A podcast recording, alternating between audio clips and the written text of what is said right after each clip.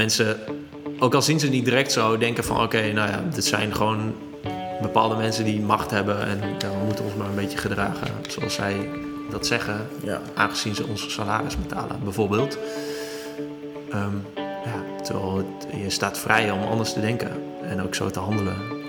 Hey en welkom bij Dit keer wel de podcast. Mijn naam is Thomas de Vries en ik interview experts en mensen die toffe dingen doen om antwoord te krijgen op vragen zoals: wat is een goed leven? Waarom doen mensen wat ze doen?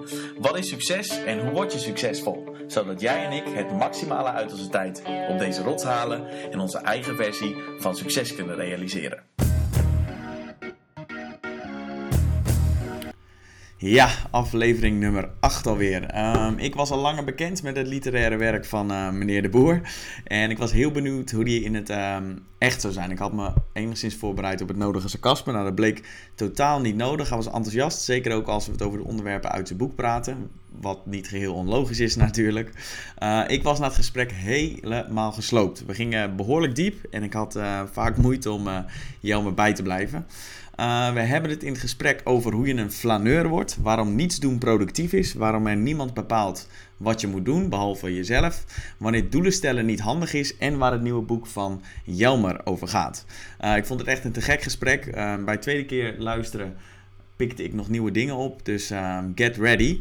Als je... Um, de podcast via mijn website of via YouTube luistert. Een comment zou te gek zijn. Zeker ook als je feedback hebt of uh, ideeën voor mensen die ik nog meer kan interviewen. Uh, als je de podcast via iTunes of Soundcloud luistert. als je abonneert, maak je me een gelukkig man. En dan word je ook um, ingesigned op het moment dat er een nieuwe aflevering voorbij komt. En er komen veel nieuwe afleveringen aan. Dus het is handig als je dat doet. veel luisterplezier en spreek je snel.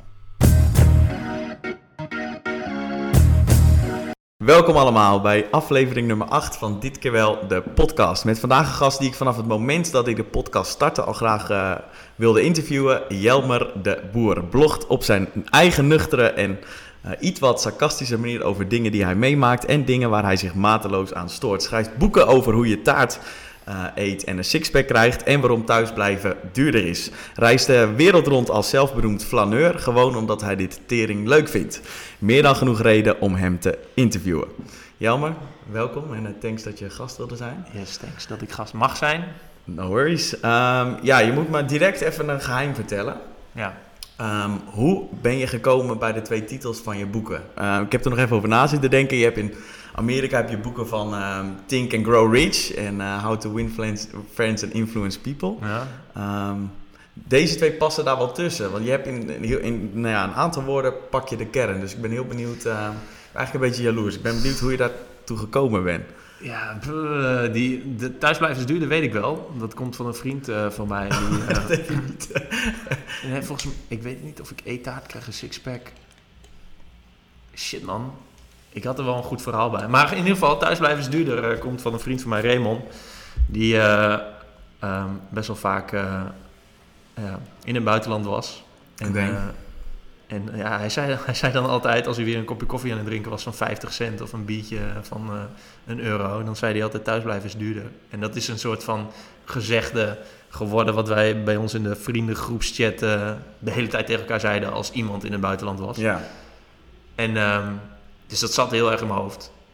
En dat past heel erg goed bij... Uh, ja, want het is gewoon de, het is de kern van, van het boek. En dat, dat vind ik scalpen. Maar eettaart krijg je een sixpack is ook van... joh, je kunt echt nog wel een keer ongezond eten... en dan nog steeds uh, een sixpack ja, man, hebben. Shit, ik, ben wel, ik vind het wel jammer dat ik het ben vergeten hoe, hoe ik daarop ben gekomen. Maar misschien kom ik er ooit nog op. Als ik in een uh, ja, helder moment ben. ja. Mocht je er nog... Uh, hebt een hele serieus onderwerp. En dus dan ik weet niet eens of het in het boek staat. Nee, weet ik niet. Komt wel. Misschien kan ik het nog terugvinden. Ergens. Maar ik vind serieus, want de Nederlandse taal is best wel beperkt, zeg maar. Dus ja, weet ik niet. Uh, um, ah. Ik heb als moeite om goede teksten te schrijven, omdat ja, ik vind het vrij beperkt. En nou, goede, goede titels. Hey, de, de oorspronkelijke titel van mijn boek was Geen Troep, want dat was toen mijn uh, gebruikersnaam, uh, um, profielnaam op Facebook en op Instagram en op Snapchat toen nog. En ik dacht, ja, dat, dat dekt de lading niet echt. Maar toen ja, heb ik precies. dit bedacht. Ja. Ja. Oké, okay, nou wie weet komen we er nog op. Ja. Nou, je hebt een boek geschreven over uh, waarom thuisblijven duurder is. En volgens mij is het gewoon een soort van uitgebreide handleiding met overkoepelend hoe de luchtvaartindustrie werkt, hoe goedkope tickets ontstaan en tips hoe je ervoor kunt zorgen dat je nou, en goedkoop tickets kan bemachtigen en hoe de reiservaring gewoon een stuk chiller wordt. Ja, Ehm, goede samenvatting. thanks. Ja. Wat was de reden om het ehm, boek te schrijven? Want ik bedoel, jij vliegt goedkoop, dus... eh, Ehm, ja, verschillende redenen eigenlijk. De belangrijkste reden was dat ik eh, dat aan het doen was. Ja. En dat ehm, eigenlijk bij iedere reis er wel iemand vroeg: Yo, heb je dat gedaan? En bij iedere reis was daar een andere antwoord voor. En eh, ik kwam er eigenlijk een soort van met terugwerkende kracht achter dat ik best wel veel kennis en ervaring had opgedaan over eh, goedkope vliegtickets vinden en boeken. Toen dacht ik, ja, ehm, bij iedere reis is het anders. Het past niet echt in een blogpost. Het past niet in vijf blogposts. En eh, volgens mij moet ik hier een, een boek over schrijven. Omdat het is ook eigenlijk een boek waarvan ik zelf had gewild dat het bestond. Ik vind dat er heel veel dingen nog niet duidelijk zijn over, ehm, over ja, luchtvaart en vliegtickets. En eh, ja, daarom eigenlijk. Dus dat zijn twee redenen. En eh, los daarvan ehm, ja, vind ik schrijven leuk om te doen. Ja, Is een, is een, Dat helpt ook wel. ja, het is een fijne uitingsvorm. Ik vind dit, ik, dat is het leukste wat ik, een van de leukste dingen eh, om te doen. Dus eh, ja, dat kwam allemaal mooi samen. Wat vind je er, ehm, wat vind je er leuk aan? Aan schrijven. Ja. Ehm, het, is, het is denk ik een manier om ehm, mijn eigen gedachten te ordenen. Omdat als je nadenkt over iets, ehm, ja, ik ben er niet aan het tellen, maar gaan allemaal, allemaal gedachten gaan allemaal door elkaar heen en je associeert de hele tijd allemaal dingen met elkaar. Dus Mhm. het is eigenlijk een brei. En soms word ik daar misschien een klein beetje gek van als ik lang aan het nadenken ben. En ik vind het dan fijn om een één, want bijvoorbeeld allemaal blogposts gaat, gaan bijna allemaal over één idee of één Mhm. statement of één concept. En ik vind het leuk om zo'n concept eh, ja, soort van uit te kristalliseren. Dus heel erg duidelijk te maken. In de eerste plaats voor mezelf. Dat ik denk van oké, ja, dit, dit klopt wel aardig met wat ik vind. Of hoe ik erover nadenk. En dan ja, als mensen er nog een beetje over kunnen lachen en op, op gedachten kunnen komen, dan is het te mooi meegenomen eigenlijk. Maar het is primair om je eigen gedachten een beetje van je af te schrijven. Ja, want als, als ik bijvoorbeeld eh, veel periodes, van langere periodes ehm, alleen ben of, of eh, geen afleiding heb, bijvoorbeeld van mijn telefoon of eh, mijn computer, of nadenk of veel mediteer, dan, ehm, en dan ehm, bijvoorbeeld wat, wat boeken lees, dan komen er echt heel veel van dit soort ideeën in mijn hoofd. En dan gaan ze allemaal mijn Evernote in, allemaal stuk voor stuk. Tweede hersenen, Evernote. Ja, ja, ja mijn exocortex. en dan, eh, en dan, ehm, ja, dan, dan, dan, ja, dan komen ze eigenlijk allemaal naar boven. En dan probeer ik ze, wanneer ik daar tijd voor heb, daar een blogpost van te maken. En dat is, ja, mijn blog is daarmee dus eigenlijk... Ja, het, is, het is gewoon echt een dagboek, maar meer over eh, niet wat ik heb meegemaakt, maar wat ik, wat, hoe Ja. ik nadenk Ja. wat ik vind. En dat verandert ook. Ik bedoel, drie jaar geleden ehm, dacht ik anders over dingen dan nu. Lees je wel eens een blogpost terug? Je hebt trouwens je site vernieuwd, dus ik kon niet meer teruggaan naar... eh, lees je wel eens iets terug dat je denkt van... Jezus, hoe heb je dit Ja, ja, ja, want ik denk dat want mijn blog bestaat al, of mijn website bestaat sinds 2005 of zo, best wel lang. Jezus. En eh, ehm, ik ben echt heel veel gaan bloggen sinds 2012, 13 of zo.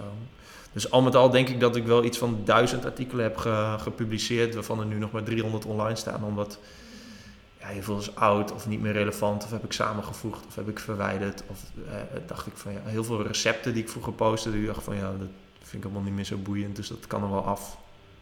Ehm, ja, dus ik best, lees best wel vaak eh, terug. Ik neem wel vaak eh, de tijd om eh, een soort van te cureren.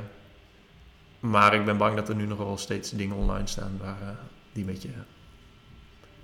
ja, die de Jelmer de Boer van 2014 wel tof vond, maar eh, die meer, van eh, 2018 niet. Ja, dat is het nadeel van alles publiek maken, dat je... Ja, ja, een jawel eigenlijk. Ja, ja. En heb je leren schrijven door het gewoon duizend keer te doen? Of heb je daar ehm, ehm, ook andere dingen voor gedaan? Oh, dat is wel een goede vraag trouwens. Ja, weet ik niet. Ehm, ik heb geen cursussen gevolgd.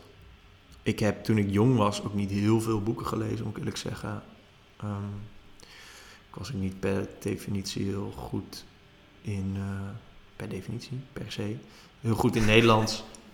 En wat ik wel altijd leuk vond, was eh, ehm, werkstukken maken Mhm. en verslagen maken.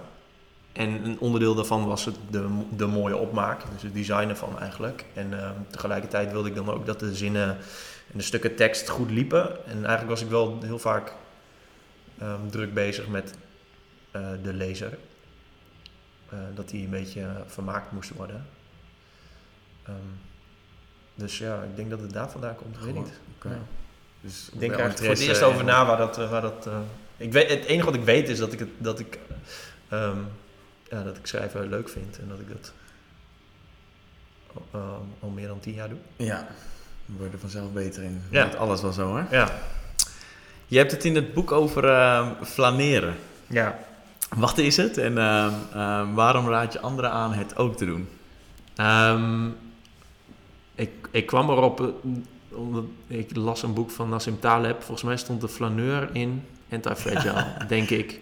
De flaneur is iemand die eh, zonder plan gaat rondlopen en dan ehm, ehm, ja, maar kijkt wat er op zijn pad komt. Mhm. En ehm, waarom dat chill is, is omdat je dan geen stress hebt over je plannen die je hebt gemaakt en niet van tevoren iets vastlegt. Waardoor er dus interessante dingen kunnen gebeuren. En dan moet ik, ik ben niet per se, per- eh, nu per definitie, ik ben niet per definitie een flaneur. Waarom was het net niet per definitie? Omdat ik, je kunt niet per definitie goed zijn in Nederlands, toch? Maar goed, maar ja. En, en ja, flaneren is dus het tegenovergestelde van een toerist zijn. Een toerist die plant zijn, ehm, plant zijn hele trip. Dus van eh, maaltijden, excursies, dat soort dingen. En eh, ja, dan, dat is eigenlijk best wel saai. En, en het vervelende is, is dat eh, ja, je, je, je krijgt dus stress, omdat alles ligt vast. Dus het kan alleen maar verkeerd gaan. En een flaneur kan eigenlijk alleen maar dingen goed gaan. Dus je, ik was bijvoorbeeld vorig weekend in Brussel en toen dacht ik, ja, ik ga nu even flaneren. Dus ik, mijn telefoon ging uit en dan eh, ging ik- ik ging gewoon Je gaat ook rondlopen. bewust flaneren. Ja, ik, want normaal dan pak ik Google Maps en denk, oké, Ah, ik ben ja, nu hier en eh, hier is ongeveer eh, de- deze plek en ik wil eigenlijk hier naartoe. Toen dacht ik, nee, ik, ga, gewoon, ik ga gewoon rondlopen. En het is best wel bijzonder, tenminste voor mij. ehm, het is, ik vind het bijzonder dat het zo bijzonder is. Dat je gewoon een stukje gaat lopen. Dat doe ik eigenlijk helemaal niet vaak. En, Nee. eh, ehm, terwijl ik dat wel in mijn boek beschrijf. Dus eh, Ja, en naar jezelf toe. Meer Nee, maar ik kom dan, dan kom ik langs een of andere oude, eh, oude boekhandel, loop ik dan naar binnen en dan eh, ben ik opeens Frans aan het praten met, die- met, die, met die oude man van 70 die daarachter staat. En ik kan helemaal niet zo goed Frans, maar ik heb dan die ervaring en ik denk, oh, dat is wel best wel geinig. En ik, en ik loop opeens ergens naartoe en dan ga ik daar eh, ehm, eh, wat eten of wat drinken op een plek die ik normaal nooit van tevoren had uitgekozen. Dus eh, ja, is best wel nice eigenlijk, flaneren. Het is gewoon zonder doel.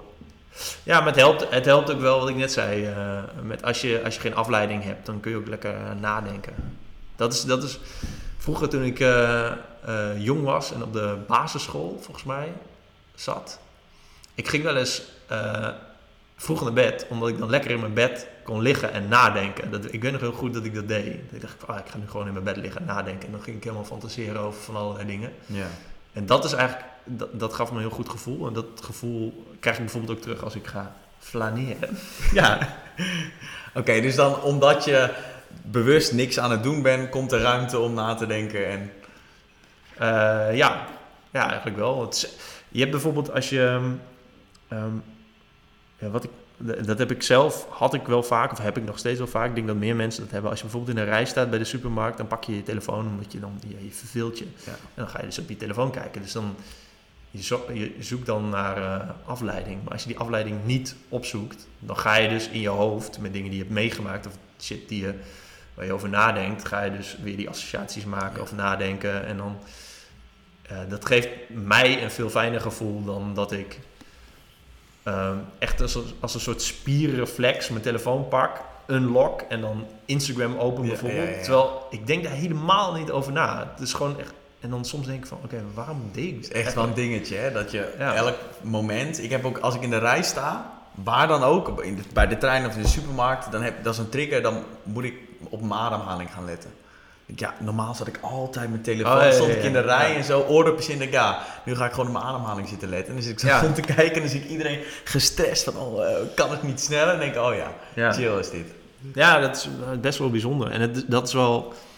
Kijk, ik vind een van de belangrijkste dingen is dat je heel veel shit bij jezelf moet houden. Dus dat je zelf naar oplossingen moet zoeken. Maar ik geloof ook wel dat we in een maatschappij leven waar het soort van... Die, die verleidingen zo groot zijn van afleiding en consumptie en eh, Ja. eh, eh, contact met mensen. Ja. dan, het is heel goed om daar heel veel over na te denken. Over hoe je, hoe je alleen kunt zijn met je gedachten. Vind ik, ik vind dat heel Ja, en heel veel mensen hebben daar, ik ook wel, gewoon moeite mee. En die zoeken constant afleiding. Ja, omdat het, het, het lijkt heel veilig. Dus de contact zoeken met mensen of contact zoeken met een idee of een product. Terwijl het is zo mooi om niks te doen, Ja. om idle te zijn en, eh, en om na te denken. Het kost niks. Eh, ik, krijg er, ik, ja, ik, word, ik krijg er echt een goed gevoel van. Ik denk dat meer mensen dat hebben. Ja, ik Ja. ook wel. Alhoewel ik er wel moeite mee heb. Ik Het lijkt contraproductief, want je bent, je bent niet iets aan het doen, je bent niet iets aan het produceren. Ja, Ehm, dus je, of je bent niet aan het consumeren, je bent eigenlijk gewoon niks aan het doen. ja. En dat, dat lijkt heel raar, omdat we ja, we zijn best wel geconditioneerd om bezig te zijn. te produceren, geld te verdienen, geld uit te geven aan Ja. spulletjes en dat, dat, dat dan de hele tijd aan het doen. Maar ja, Ik moet altijd zo lachen als ik vraag hoe gaat het? Ja, druk. druk. ja. Dat is zo lachen. Ja. Ja, ik mag het ook niet meer zeggen van mezelf. Ja. ja. Maar het is een beetje hetzelfde als je, als je vraagt aan mensen, wat, wat doe jij? Of wat, eh, ja, wie ben je, wat doe je? En dan is het gewoon naam en dan ehm, ja, je werk. Zeg Ja. maar. Dat is anders in het zuiden van Europa. Hè? Daar vragen Ja. ze, hoe, hoe is het? En volgens hoe is het met je familie? Ah ja, Dat is de eerste vraag. In Nederland en Amerika ook is het, wat doe je? ja, wat doe en je? hier is het, hoe is het met je... Terwijl dat, ja, max, nou ja, sommige mensen werken meer, maar dat is 40 uur van die 168 uur in een week. Ja. Terwijl, ja, vertel gewoon, weet ik veel, ja, ik ben ik ben een flaneur. Ja. ik ben Jelmer, ik hou van frituren. Ja. ja, kan ook. Ja. Oké. Je, je zei net, ehm, ik vind dat je dingen bij jezelf moet houden en zelf naar oplossingen moet zoeken. Ja, ja, dat, moet ik dat uitleggen? Als je, als je dat zou... Nee, wat, wat ik, omdat ik heel veel schreef over, eh, over dieet, eh, en eigenlijk de dieetsatire. Ik heb die, die categorienaam laatst trouwens bedacht. Het is dieetsatire. Ik, ik Omdat vind, er zoveel onzin is? Of dat er zoveel... Gewoon over, omdat ik heel grappig vind over wat er allemaal in die wereld gebeurt. En eh, ik probeer het een beetje een hak te zetten. Alleen wat ik heel vaak zie, is dat mensen een slachtofferrol gaan aannemen. En dan denken, oké, grote bedrijven die hebben ons in de tang. En ehm, eh, Unilever eh, werkt samen met het voedingscentrum. En ze willen ons allemaal ziek maken. En je hebt Big Pharma en Monsanto. En al, iedereen, het is gewoon één grote boze wereld. Terwijl ik denk van, oké, je kunt ook tijd voor jezelf ne- nemen om bijvoorbeeld na te denken. En dan, Flaneren. ja, en dan kijken, of ja, ga gewoon eens rustig zitten en nadenken wat je nou eigenlijk zelf wil en denkt en vindt. Ik bedoel, ehm, hoewel er wel symptomen zijn, denk ik niet dat we slaaf van de maatschappij zijn. Dus dan, ja, je kunt nog steeds je eigen keuzes maken. Ik vind dat heel erg belangrijk. Ik, ik weiger ehm, ja, die slachtofferrol Ja. aan te Het nemen. is wel iets Het fundamenteels. Of je de, de dingen die gebeuren extern eh, iemand anders de schuld geeft of jezelf. Want je, je doet toch zelf al die dingen naar binnen stoppen? Je Ja. kiest toch zelf ervoor om... Ja, en, het, en- ik, ik snap ook wel dat het. ehm, ehm, het is niet zo dat de, de supermarkten, dat er allemaal kasten staan die zwart zijn en waar je een deurtje open moet doen en dan zelf iets moet kiezen. Nee, het, het, sta- het staat ook wel allemaal in je face. En, eh, en ik vind het ook heel grappig dat, dat eh, stations winkelcentra, winkelcentra zijn. En vliegvelden zijn ook winkelcentra waar je kunt parkeren met een vliegtuig. Alleen, ja, je kunt nog steeds gewoon daar niet, niet naar binnen gaan.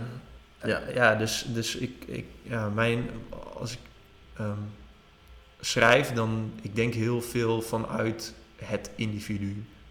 Dus ja, individuele kracht. Ik vind dat heel belangrijk. Ja. Dus dat is eigenlijk, denk ik, een antwoord op jouw vraag. ja, dat denk ik ook wel. Nice. Ehm, wilde ik hier nog wat over? Nee, daar komen we straks nog op. Ehm, ik quote je even. Ehm, ehm, een zin uit je boek. Tegelijk, tegelijk persoonlijke rijkdom en de nietigheid van het bestaan ervaren. Ik denk dat dat prima levensdoelen zijn. Ja, En dan gelijk de vraag, wat maakt dat je reizen zo te gek vindt? Wat denk- maakt dat ik reizen te gek vind? Ehm, Want het is denk ik wat je, wat je ermee doet. Dus tegelijkertijd persoonlijke rijkdom en de nietigheid van het bestaan ervaren. Ja, dat is. ehm, mm, ik vind het heel. een geruststellende gedachte dat. ehm, dat je een van de 7 miljard mensen op deze planeet bent. Mhm. Dus hoewel ik wel. Ik vind dat je moet handelen vanuit individu. Ja, je bent niet zo belangrijk. Ik vind het wel. Dat, dat geeft lekker veel nuance aan het leven. En dan neem je het allemaal niet zo, niet zo ehm, serieus. Maar tegelijkertijd, als en dat kun je dus zien als je bijvoorbeeld veel reist. Was vorig jaar was ik in Guangzhou in een overst- met een overstap. Nou, dat is een, Chine- een Chinese stad met 15 miljoen inwoners. Dan denk weet- niet heel veel mensen kennen die stad. Maar er wonen wel evenveel mensen als in Nederland ongeveer. En dan ben je daar en dan denk je, oh ja, die persoon is even belangrijk als ik. En die, en die, en die, en die, en die. En het is gewoon allemaal, dat... dat, eh, ik vind het heel interessant om daarover na te denken. En aan de andere kant is het zo mooi dat je als individu dus de hele wereld over kan gaan en alles kunt ervaren wat je wilt ervaren. Dat is, dat is een goede combi, denk ik. Je kunt Dus heel veel nieuwe plekken ontdekken. Doordat je zoveel verschillende plekken ziet en besef je, ik ben gelijk aan iedereen en je kunt alles zien of zo. Ja. Dus je kunt eigenlijk met iedereen contact maken. Dus de mogelijkheden zijn eindeloos eigenlijk. Dat is, dat is de parallel. Er zijn 7 miljard mensen en nog veel meer plekken. En sterker nog, als jij vandaag naar een plek gaat en je gaat er over drie jaar naartoe, is die plek weer helemaal anders. En er zijn ook weer andere mensen. Dus dat is, ik word daar, ja, soms word ik daar een beetje gek van. Maar aan de andere kant is het ook zo mooi dat Waarom kunt- word je er gek van? nou, omdat dan ga je nadenken dat, het, dat de mogelijkheden echt letterlijk oneindig zijn. En eh, ja, dat is een beetje hetzelfde als nadenken als over het he- heelal. Ja, dat, ik wou het net zeggen, daar word ik gek van altijd. Ja. Dat moet ik niet te vaak doen, want dan... Nee, dat is met dit net zo. Dat is met, ehm, dat is met eh, reizen net zo. Dus ja, bevo- ja, een heel dom voorbeeld is Dubai, wat nu een of andere gekke woestijnstad is, wat 40 jaar geleden dat helemaal Ja. niet was. En met Shanghai net zo. Ja, dat geldt ook voor die Chinese steden. Ja, en dan over zoveel jaar is er weer een andere plek die heel interessant is. En dan weer een plek die nu interessant is, is weer helemaal kut. Ja. Of zo. Of helemaal niet leuk. Of juist wel. Of nog steeds. Maar dan met andere mensen. Of een ander, ja, weet je. Of misschien verandert een land zelfs wel. Wordt het een ander land door allerlei dynamieken. Ja, dat is, eh, ja, dat is interessant. Dus Ja. je hebt dus eigenlijk nooit de hele wereld gezien. Maar dat, het geeft altijd weer nieuwe inzichten. Dat geeft rijkdom. Dat is die persoonlijke rijkdom. Dus de nieuwe inzichten. Heb je dan ook dat als je op een nieuwe plek bent, dat je dan echt met iedereen gaat ouwe hoeren en Nee. met lokale dingen gaat... Nee? Ja, nee. Echt een typische backpacker die Nee. met alles en iedereen ouwe hoert. Totaal niet, omdat ik ben niet zo... eh, ik durf dat niet, gewoon.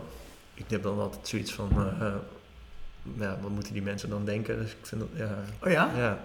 Verbaast me. Nee, maar ik, ik voel me gauw bezwaard ehm, om iets te vragen aan mensen. Het is, het is soms wel extreem hoor, dat ik gewoon soms de weg niet durf te vragen en dan denk ik, oh, ik ga het wel opzoeken of zo, weet je wel, zoiets. Ehm, maar aan de andere kant, ik probeer wel. eh, ik zit niet altijd in de Starbucks in, eh, in het buitenland. Oké. Dat, is, een- ja, dat is de andere kant van mijn antwoord. Ja. Grappig, dat had ik niet, eh, had ik niet verwacht dat je... Eh, dat is ook precies de reden waarom ik een, een waarom ik bloggen zo leuk vind. Ja, dat, dat was mijn volgende vraag dan. Dat is waarschijnlijk ook de reden dat je... Ja, je kunt gewoon iets schrijven. Als mensen het willen lezen, prima. En als ze het niet willen lezen, dan is het ook goed. En ik heb, geen, ik heb mijn reacties uitgeschakeld. Want ik denk, ja, je kunt er wel mening over hebben. Maar het boeit mij niet echt. Boeit het je echt niet? Of? Nee, ja, ik vind het echt raar dat... Ik, ik zou het echt raar vinden als... eh, sowieso vind ik internetreacties... ehm, onder een... Onder een blog... Ja, ik weet niet. Ik heb daar niet zoveel mee. Ik heb veel liever dat mensen op Twitter mij een bericht sturen. Omdat het dan... Want dan sturen ze het echt naar mij. En dan, dan willen ze mij helpen. Of andersom. Ja, ze willen zelf geholpen ja, worden ja. door mij. En ik denk dat reacties onder een blog... is eigenlijk ook wel een klein beetje voor de buitenwereld. Ehm, Zeker als het anoniem eh ja. Kees 1, 2, 3, 4 is en die zegt eh, lul. ja, nou ja, bijvoorbeeld. dus, eh, zo nee, maar- ja. ja, die gekke Kees. Nee, maar ja, ik, dat is mijn blog. Ik, ja, ik heb deze gedachten en ik vind dit op dit moment en uh, that's it. En ik moet het ook allemaal niet zo serieus nemen. En ja, ik heb ook geen zin om er eeuwenlang over te discussiëren. Nee, nee. Dus uh, um, ja, het is eigenlijk een beetje take it or leave it. Ik vind dit, als je het wil bezoeken, prima. Als je het niet wil bezoeken, ook prima. Ja, en als je ziet dat een blog heel veel gelezen wordt, is het dan, vind je het dan wel fijn of zo? Of boeit dat je dan ook niet? Dus als er weinig mensen zijn die het lezen, boeit het niet? Of, of doet dat dan ook nog wel wat goed? Het is heel verschillend, want natuurlijk uh, uh, kan vind ik... ook erkenning van je werk. Ja, want natuurlijk ben ik op zoek naar waardering en erkenning. En dat zit wel in me, dus ik vind het chill als het heel veel goed wordt gelezen. Mm -hmm. Maar er zijn ook wel best, best wel wat blogposts die heel weinig uh, bezoekers trekken. Maar waar ik wel heel, heel fijn een gevoel over heb. Dat ik denk van, oké, okay, dit is eigenlijk precies wat ik dacht. Heb ik nu op papier gezet. En er zitten ook nog grapjes in. Dus dat is, dit is echt een... Dit ik vind het een, zelf ook nog leuk om te Ja, dit is echt een, een pareltje in de zin van... Oké, okay, dit is... Dit is um, ja, dit is echt goed gelukt. Ja. Dit, zijn goede, dit Ja. is goed... Um, een weerspiegeling van mijn gedachten. En dan boeit het me echt geen ene kloot dat er... Uh, ja, uh, 68 mensen dat ding hebben gelezen. Ja. Maar dan is het meer het produceren zelf. Dat ik denk van, oké, dit heb ik nu Daarom, voor jou is primair toch het uitkristalliseren van je gedachten. En Ja, Als ja. mensen zijn en maar ja, natuurlijk wil ik mensen, over, eh, wil ik mensen op, een andere, op andere gedachten brengen. Dus ja, het is een beetje een gek eh, samenspel. Maar ik Nou, weet, ja, maar kan het, eh, samen. het, zegt, het zegt niet zo heel veel als je super veel bezoekers hebt. Dat is- Nee? Ja, nou, ja, vind ik niet. Eigenlijk. Want ja, heel veel mensen zijn ook op, bezoek, op zoek naar... Nou, voor mij boeit het niet zoveel Oké. eigenlijk. Je hebt de receptenblogs die, eh, die eh, miljoenen page views per maand hebben. Ehm, ja, dat is chill. Kun je lekker veel advertenties verkopen op je website. Maar ik, ja, ik ben op zoek naar een klein beetje een bijdrage aan iemands denken. Maar ik vind dat het recepten niet zo zijn.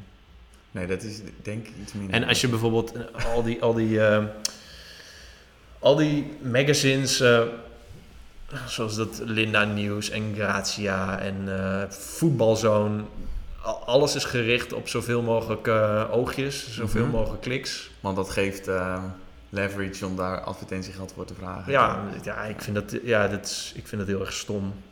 Ja, je kunt veel geld mee verdienen, maar er wordt de wereld niet beter van. Nee. Nee. Nee eens. Alhoewel, voetbalzone is af en toe wel leuk om... eh, Ja, maar voetbalzone, voetbalzone heeft altijd van die titels van eh, eh, talentvolle eredivisie rechtsback eh, speelt zich in de kijker van Engelse toppen. En dan zo van, oeh, dan gaat iedereen erop klikken, want wie is die rechtsback? Ja. Wie is, wie, bij welke club speelt hij en naar welke, welke club heeft hij Ja. interesse? Weet je, echt, Maar ja, ik klik wel. ja, het is zo stom is het. Ja, ik, dat, dat slaat nergens op. Dat vind ik, ja, en het AD.nl, Telegraaf, Ja. iedereen doet dat. En ehm, Ja. Maar goed, ze blijven het wel doen. Dat is ook wel een dingetje. Dat is, ik, ik stoor me er altijd aan dat het neg- nieuws zo negatief is. Echt extreem negatief. En er wordt alleen maar meer. Maar ja, aan de andere kant, de consument bepaalt. Dus zolang we op die negatieve dingen, eh, zolang we dat blijven bekijken en daar blijven klikken, krijgen ze alleen maar meer van. Als iedereen positief nieuws aanklikt, zijn zij de eerste die veranderen. ja, dat is Dus waar. we, we werken het ook zelf. eh, ik zeg ook niet dat ik er. Nee, ik heb geen oplossing voor. Ehm, nee, Nee, ik ook niet. het zou mooi zijn. Ja. Nou, we kunnen er... Nou ja, laten we, laten we er geen oplossing voor proberen. Nee. te. Flexibiliteit. Ehm, je zegt in je boek dat dat belangrijk is eh, als je goedkoop wil vliegen. Niet dat je bijvoorbeeld in de maand juli per se op vakantie moet van de 10e tot de 25e. Maar dat je op ieder moment... ehm, nou, daarvoor is het wel handig als je locatie onafhankelijk bent. Dus dat je Mhm. niet op een... En voor veel mensen... Ik heb ook een aantal mensen gezegd van... joh, ik ga Jelmer de Boer in. Die ken die allemaal. Die zeiden allemaal van... ja, die blogt de hele dag. En eh, die... ik zei ja, oké. Ik moest er altijd wel lachen. Daar komen we zo nog wel op. Ehm, maar ja, het is wel handig als je je leven zo indeelt... dat je dus daadwerkelijk locatie onafhankelijk bent. Mhm. En ja, mijn vraag aan jou. Hoe is dat zo ontstaan bij jou? Ja, je bedoelt werk op, op, op eh, iedere... Ja, want ik kan Plek, de meeste mensen die werken gewoon van 9 tot 5 op een kantoor ehm, in een stad en Ja. die reizen daarheen. En Ja. als die denken, huh, ieder moment weg kunnen om op vakantie te gaan. Dan moet ik eerst vakantiedagen voor opnemen en dan moet ik aan mijn baas vragen. Dus ik kan me voorstellen dat het voor veel mensen, dat kreeg ik ook terug, niet echt in de realiteit past. Nee, ja, dat is jammer dan. Ja, weet je, ja, daar gaat mijn volgende boek over trouwens. Over die uh, autonomie. Autonomie. Maar Ja, daar wordt Engels. Maar nog- gaan we zo over hebben. Ja. Maar eh, ehm, ja, eh, ja, ik weet, ja, daar Dus ik ben heel benieuwd. Een van de onderdelen van mijn nieuwe boek, eh, Autonomy, is dat je afvragen waarom dat zo normaal is dat jij ehm 9 tot 5 werkt, vijf dagen in de week, Mhm. je naar een plek gaat en je met z'n allen op een, op een perron staat, te chagrijnen dat de trein weer zo vol is. Dan ga je naar je werk, ga je e-mail sturen naar degene die tegenover je zit. En dan ga je weer naar huis. En dan ga je op vrijdagmiddag ga je borrelen. En dan ga je in het weekend misschien eh, iets doen met je familie of vrienden. Ja. En dan, Lig je zondagavond uit in je bed dat het maandag wordt. ja, en, en het tegenargument, ja, dat moet er geld verdiend worden. En dat is nou eenmaal zo Mhm. hoe de maatschappij werkt. Ja, daar kan ik niet zoveel mee. Want we hebben het net over gehad dat, we, Ja. dat je, je kunt ook handelen vanuit het individu. En ja, ik ken heel veel mensen die dat bijvoorbeeld die dat niet accepteren en dus iets anders gaan doen. Er is geen kracht die jou dwingt om Maar Zo goed, jij hebt je uit dat paradigma. ehm, jij denkt niet meer zo, dus jij denkt op een andere manier. Ik denk dat het heel interessant is hoe dat is ontstaan en hoe dat ehm, ehm, nou, tot stand is gekomen. Gewoon. Ik weet niet precies hoe het is ontstaan. Ik heb het wel over gehad met een psycholoog. Die autonomie waar dat boek over gaat, ik vind dat zo belangrijk in mijn leven. Ik heb dat, ehm, ik heb dat nog net niet heilig verklaard. Maar dat is een concept waar ik heel veel over nadenk, zeker de laatste tijd. Eh, al heel veel jaren een soort van latent aanwezig is. Dat ik zelf shit wil bepalen. Dat ik ehm, niet ehm, iemand anders laat bepalen waar ik moet zijn, wat ik moet doen in mijn leven. Ik, ik, vind, dat, ja, ik vind het echt heel raar. En zelfs vind ik dat het neigt naar de meester en zijn slaaf. Dus dat de slaaf maar moet doen wat de meester zegt. Mhm. En wie is de, meester in dit? De eh? meester is de, de baas of het bedrijf of de, de manager. Oké, dus en, in eh, want, zin. want je wordt immers betaald, dus eh, dan moet je maar doen wat wij eh, zeggen. Nou, vind ik dus vreemd. Ehm, dus ik weet, ik weet niet precies waar dat vandaan komt. eh, ehm, ehm, ja, geen idee. Dus heel, het, is- het, het, het, het, het grenst ook wel aan individualisme. Alleen ik Mhm. vind dat een beetje een negatief woord. Mhm. Omdat het, omdat het heel erg... eh, Ja, volgens mij is het, het woord is niet negatief, maar de, de associatie ermee toch? Ja, denk, want, want als je naar de definitie kijkt, dan is het ook eh, ehm, ehm, zelfstandigheid en eigen beslissingen nemen. En volgens mij is het ook bijna een synoniem voor autonomie. Maar ik vind autonomie dus echt zelfstandigheid. En dat kan ook best samen met andere Mhm. mensen. Mhm. Je kunt best eh, heel autonoom zijn en nog steeds heel goede relaties hebben. En ook ehm, samenwerken en, en werken überhaupt. En ik vind individueel is ja, heel erg alleen. Ehm, is, het, het heeft meer een fysieke associatie. Autonoom is meer op, op, op, op gedrag, denk ik. Maar goed, het boek is nog niet uit, dus ik moet er Nee. nog even over nadenken. Ja. Maar je vraag was waar dat vandaan komt, ja.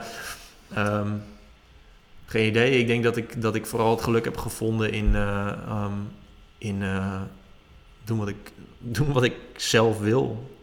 Dus mijn, mijn gevoel eh, najagen en ja, de hele tijd status quo's niet accepteren. ja. Ik vind het argument dat is nou eenmaal zo. vind ik Dus waar de, waar, de een, ja, waar de een zegt dat is gewoon de regel, denk jij waarom is dat de regel en kan het ook anders?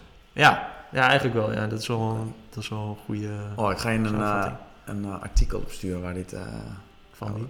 ehm, Wait but why heet het blog. Oh ja, ja, ja, ja. Dat ken ik. Dat was leuk. Echt een fucking leuk artikel. Het gaat hierover. Dat, Oké. Ja. Nou goed, legt hij uit over Elon Musk, over die altijd, dat hij Oh, altijd tegen ja. de consensus ingaat. En zo. Dat is het perfecte voorbeeld daarvan. Ja, dat boek is ook wel leuk, ja. Ja. Ehm, Oké, en eh, zit Tim Ferriss met zijn boek De Vierurige Werkweek hier nog ergens? eh, ja, die zat... Want dat moet natuurlijk ook in de praktijk dan... Ja, dat is wel een... eh, ik zeg niet dat het een kantelpunt geweest is in mijn leven, maar dit, dat boek kwam tien jaar geleden uit. Ik ben nu 31. En was dan toen 21. Ik denk dat ik... Ik heb hem wel vrij snel gelezen toen hij uitkwam. Dus ik denk dat ik toen... Ja, studeerde ik. Ja, ik denk dat dat is sowieso wel invloed gehad. Ik denk dat sowieso hij... Voor Doordat... de, voor de luisteraars, Oh ja, eh, wat, wat moet ik uitleggen? de vierurige werkweek. Wat het Ja, Tim Ferriss is. schreef het boek Vierurige Werkweek, waarin hij vond dat je ehm, door, vooral door automatiseren ehm, een salaris kon verdienen wat je, waar je normaal 40 uur voor zou moeten werken. Ja. En, en hij, vond, hij was ook heel erg een eh, voorstander van eh, mini-retirements. Mini, mini, ja, volgens mij is pensioen niet de juiste eh, vertaling.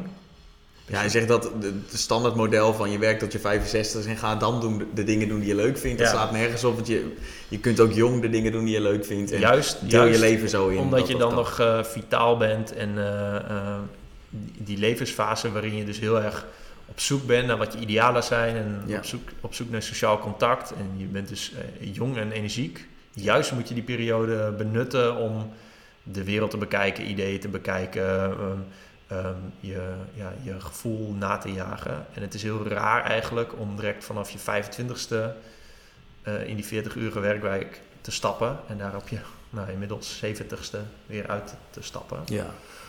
En dat beschreef hij in het boek The 4-Hour Workweek met een hele mooie catchy titel. Eh, onder andere dat, tien jaar geleden geschreven. En ik denk dat hij wel aan, aanzet heeft geze- gegeven tot wat we nu een soort van digital nomad Ja. trend Ja. eh, noemen.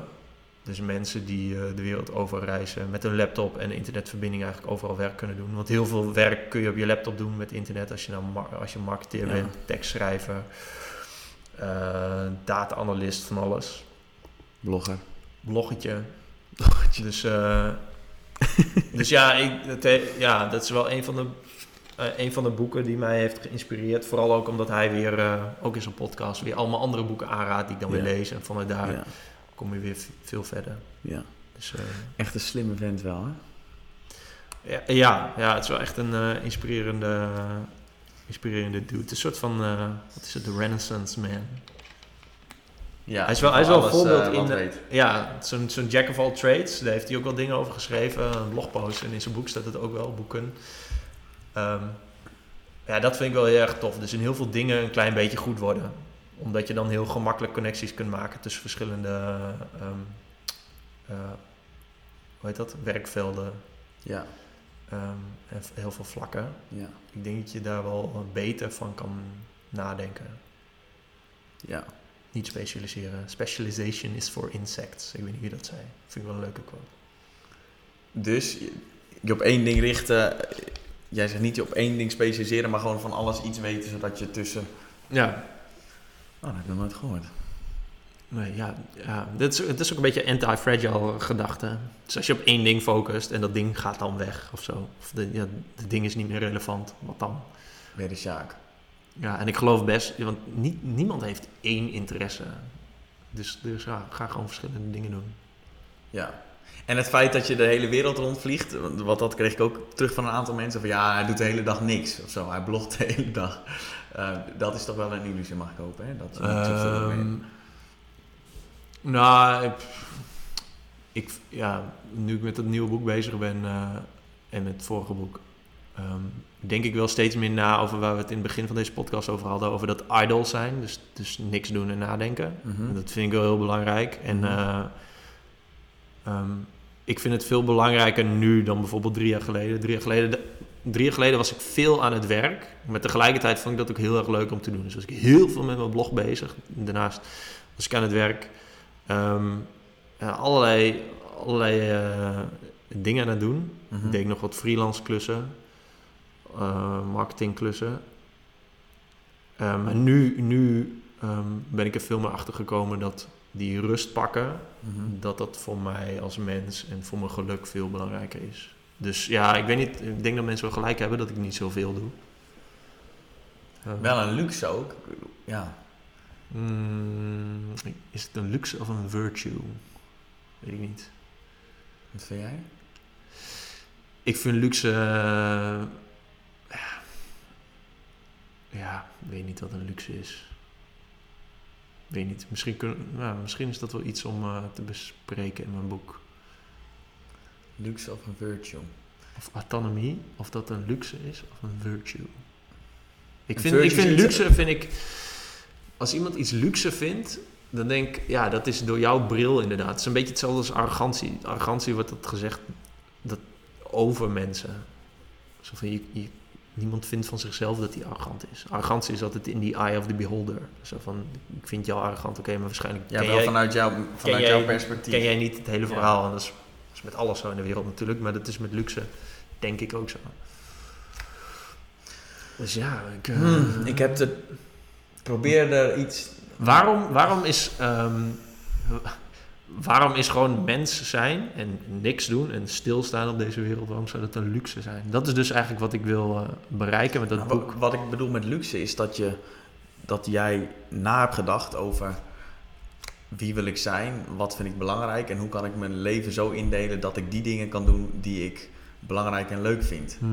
Ehm, als ik zeker kijk naar de mensen om me heen, heel veel mensen hebben dat zelfbewustzijn niet en delen hun leven niet zo in zoals ze dat ze graag zouden willen. Dus in die zin, ja, noem het virtue, noem het luxe, ja, heb je gewoon het leven dat je graag wil hebben. En heel veel mensen hebben dat niet. Nou ja, als het wel luxe is, dan, dan raad ik eh, mensen aan om op zoek te gaan naar luxe. Maar niet te, te vinden in spulletjes. Nee. Nee. Nee, dat eh, ja, ik, ja, ik zeg niet dat ik... Nogmaals, ik weet niet wat ik nu denk zal over drie jaar wel weer anders zijn. Maar op dit moment vind ik het heel belangrijk om ehm, rust en eh, denktijd te vinden. Omdat daar heel veel geluk uit voortkomt. En zelfs ook eh, productie van ideeën in de vorm Ja, van tuurlijk. blogs. Ja. Ehm, Oké, je noemt eh, niet in spulletjes. ja, Waarom? Eh, ja, ik heb, ik heb er best wel wat dingen over geschreven. Bezit is, bezit is extra afstofwerk. En ehm, ja, weet je, je kunt, eh, ik ben hier ook op een elektrische skateboard van 1500 dollar. Dus in, in die zin moet ik ook wel gewoon mijn bek houden. Maar er zijn niet veel, heel veel spullen op deze wereld die je gelukkiger maken, Ja. geloof ik. En ik, zal- ik zal hem even inleiden. Want Behalve de dat vraag... skateboard trouwens, dat is echt vet man. Ja? Ja, ik Die ben iedere keer. ja, ik moet, ja, het is zo lekker. Ik droomde vroeger altijd dat ik kon zweven. Ik kon vliegen. Ja, ik kon zweven. Ik zwoof. Okay. Zwoof? Zweefde. Zwiefde. ik, in mijn dromen zweefde ik altijd eh, net boven de grond. Dus dan sprong ik en dan kon ik zo... Zo over de... En dat is met dit skateboard, dat komt er heel dichtbij. Dus het is zo'n fijn gevoel. Het is gewoon alsof je... Ja, het is een beetje zoals vliegen. Zwoeft. Zwoeven. Ja. Nee, ik dacht altijd dat ik gewoon echt zoals Superman gewoon met 600 Ah, dat kilometer is per wel uur. echt vet, ja. ja. Dat, is, dat is mijn eh, ultieme droom, denk Ja, dan hoef je niet meer goedko- heb je geen goedkope tickets meer nodig. Nee, Ben je ultiem autonoom, denk ik. Misschien dat zou helemaal vet, inderdaad. Ja, net zoals Superman of zo. Ja. Who knows. Maar oké, als je... Ja, inderdaad. Maar ik, ehm, ehm, ehm, ik had er ook over nagedacht, want ik proef in je boek ook wel een beetje minimalistische Mhm. idee. Klopt dat? Want ik bijvoorbeeld je handbagage, dat je nooit meer neemt dan alleen handbagage. Dat je, je, je hebt het over if this then this. Dat is een app waarmee je dingen aan elkaar kunt verbinden. Mhm. Is dat ook iets wat een thema voor je is? Was dat ook de bedoeling? Ja, ja. Oké. Eigenlijk wel. Wat is, voor de luisteraar, wat is minimalisme en, en hoe pas je het toe? Ik vind minimalisme vind ik extremisme omdat het, eh, ehm, omdat het eh, op zoek gaat naar ja, een, een extreem, namelijk minimaliseren. En bij minimalisten, En is dat dan iets negatiefs? mm, ja, want ik hou niet van zwart-wit denken. Oké, Dus bij- op die manier. Dus ehm, er zijn best wel wat boeken geschreven, bijvoorbeeld door Marie Kondo, over het opruimen van je huis. En wat voor geluk dat brengt. En de minimalists zijn twee gasten uit Amerika die ook eh, de wereld rond eh, Zo, gaan. dat vind ik trouwens flapdrollen, jongen. Ja, dat zijn echt niet zulke leuke mensen. je mag schelden in mijn Die gast die skateboard dus op zijn slippers, dan ben je sowieso een idiot. Hoezo? Nee. Ja, gewoon in die documentaire, dan pakt hij zijn skateboard en dan, gaat hij, dan zet hij af met zijn slippers. Dan denk ik, dat is niet zo slim. Maar dat is helemaal een side note en niet relevant. Nee. Nee, minimalisme gaat, ja, die gaan eigenlijk, eh, die vinden dus inderdaad, wat ik net zei, dat bezit geen geluk brengt. Dus eh, kies voor de, het essentiële wat je nodig hebt in je leven, eh, wat je leven gemakkelijk maakt, Mhm. ehm, tot op zekere hoogte. En kies dan ook van de spullen die je hebt het beste, of, of, of duurzaam, of eh, goede kwaliteit. en dat kun je ook toepassen op bijvoorbeeld relaties. Je kunt wel heel veel vrienden of heel veel relaties hebben met verschillende mensen. Maar als het geen waardevolle relatie is, ja, waarom, waarom zou je die dan hebben? Een relatie hebben op zich. Een relatie is niet het einddoel. Eigenlijk komt ook weer het individualisme om de hoek kijken. Van oké, wat, wat heb je er nou eigenlijk zelf aan? Nou, en, en is, het ook, eh, is het ook dat je de relatie niet nodig hebt om jezelf gelukkiger te maken? Is dat ook? Nou ja, misschien dat mensen denken hoe meer relaties, hoe beter. Ik weet niet, misschien is het juist wel hoe minder relaties, hoe beter. Net zoals hoe minder spullen, hoe beter. Of hoe minder gedachten eigenlijk. Hoe minder ja, afleiding. Dus uh, het is een, denk een tegenbeweging tegen consumptiemaatschappij. En ja, ik denk daar veel over na. Ik zeg niet dat ik een minimalist ben, want ik reis heel veel. Dus dat is, dat is ook per definitie geen, geen minimalisme. Is dat zo? Ja, denk ik. ik had, wat had ik nou staan? Ehm, bepalen wat belangrijk voor je is en dat doen. Zo zat het in mijn uh, hoofd toen ik het opschreef. Ja, ja inderdaad. Ja, het is meer essentialism. Is ook wel interessant eigenlijk. Is dat een boek van... Uh, het is toch ook een boek? Ja, van Leo Babata of zo? Nee, nee, volgens mij is het... Die moet ik, ik zou zeggen George nog wat, maar het kan ik ook... Ik zal het even opzoeken in de show notes. Totaal iemand anders zijn. Ik vond het... Ja, je kunt het heel makkelijk samenvatten. Je focus je op wat belangrijk is. Oké, ik zet het niet in de show notes. ja. Um, ja, dat is minimalisme eigenlijk. En... Uh, en ik zie mezelf liever als suboptimalist. Dus ik ben op zoek naar wat ongeveer het beste is voor me. Want het beste ga je toch nooit vinden. En iets wat eronder zit, ja, dat is dan ja, dat is chill om dan te accepteren. Ja, ja. en het is ook de vraag als je dan hoef je er misschien niet heel veel tijd in te steken om iets suboptimaal te maken. En als je er dan nee, iets optimaal wil maken, dan ben je er weer heel lang Ik denk dat dat die 80-20 regel is. Om, om de allerbeste te worden, zou je die 80% extra effort moeten. En waarom zijn niet die, die 20? En dat is ook een beetje wat Tim Ferriss, waar als je overal een beetje goed in bent. Ja. Ja, inderdaad. Maar ook snel overal de 80-20 van. Ik, ik vind uh, dat, dat uh, als mensen zeggen, ja, het is wel goed zo, vind ik eigenlijk heel erg stom. Want ik denk dan van, ja, waarom ga je niet op zoek naar iets beter of iets anders of zo. Maar in deze, in deze um, discussie is het is wel goed zo. Ja, als suboptimalist is het wel fijn om een keer te zeggen van oké, okay, nou, nu is het wel prima op dit gebied. En dan ga ik weer verder met iets anders. Dus een suboptimalist, als ik het goed begrijp, die kijkt naar de situatie en denkt van oké, wat zou ik kunnen doen om het goed te maken Ehm, ja, want eh, bijvoorbeeld als we het hebben over vliegtickets boeken, in mijn boek een heel plat onderwerp. Ja, je gaat toch nooit de alle, uh, het allerbeste ticket vinden. Dus ja, je moet, je moet vrede hebben met op een gegeven moment de beslissing nemen: oké, ik ga dit boeken. Ja. En dan zeg je ook van wat wil ik ervoor betalen en dan iets zoeken wat daarbij past. Ja, en dan inderdaad. Of wat zijn mijn voorkeuren? Wil ik direct vliegen of wil ik met deze maatschappij of wil ik in deze periode precies? Ja, oké, dus zul je wat meer moeten betalen. Oké, maar heb er dan ook vrede mee? Maar heb er dan ook echt vrede mee? Dus kun, dat, kan dat voor jezelf um, goed beredeneren. En uh, ja, dat is denk ik suboptimalisme. Op een gegeven moment um, vind je iets prima en dan is die keuze gemaakt. Alleen het, het grote verschil is Um, het is niet de status quo accepteren. Dat is weer wat anders. Dat zou je ook kunnen omschrijven als het is wel goed zo. Ja, maar dan is het misschien meer uit onmacht dat je het niet kan veranderen en dat daarom maar accepteert. Ja, een soort van, uh, um, hoe heet het? Ja, onmacht. Die, ja, subjectieve onmacht of zo. Ik weet niet. Dat je denkt dat je niet, dat je niet de macht hebt, terwijl je wel hebt. Ja. Maar goed, ik, ja, ik denk voor heel veel mensen, en voor mij zeker ook op bepaalde vlakken, heb, denk je dat ook niet te hebben. Omdat gewoon, nou ja. Um, ja, dat snap ik. Ja. Dat is zo'n mooi construct hè, van het kapitalisme. Dat mensen denken dat ze machteloos zijn. Is niet zo. Is dat een construct van het kapitalisme? Ja, uh, ja, weet niet. Nu, nu klinkt als een marxist als een communist. Nee, maar uh, um, ja, ik denk het wel. Wat, waar we het net over hadden, is dat de, de master en de slave, de meester en de slaaf, heel veel mensen, ook al zien ze het niet direct zo, denken van oké, nou ja, dit zijn gewoon bepaalde mensen die macht hebben en ja, we moeten ons maar een beetje gedragen zoals zij dat zeggen, ja. aangezien ze ons salaris betalen, bijvoorbeeld. Um, ja, terwijl het- je staat vrij om anders te denken en ook zo te handelen. Ja. Het zijn wel regels en wetten en zo, maar daarbinnen is toch heel veel. Maar goed, dat is wel weer terugkijkend. Stil- Jij hebt een, nou ja, een redelijk EQ. IQ, sorry. Want je kan op een gegeven moment. EQ niet. nee, nee, dat weet ik niet. Ehm, maar dat je onafhankelijk na kan denken en ook op een gegeven moment kan bedenken van hé, hey, dit is een regel. Ik ben het daar niet mee eens. Kan het ook anders? Maar er zijn ook mensen, denk ik echt, die dat niet kunnen. Ja, maar ja, ik weet niet of het met IQ te maken heeft. Volgens mij heeft het te maken met ben je tevreden met hoe het nu gaat? En eh, ik zeg niet dat mensen altijd ontevreden moeten zijn, maar vind, vind je dit chill om te doen? Ja of nee eigenlijk? Ja, oké, dus dan iemand is ontevreden.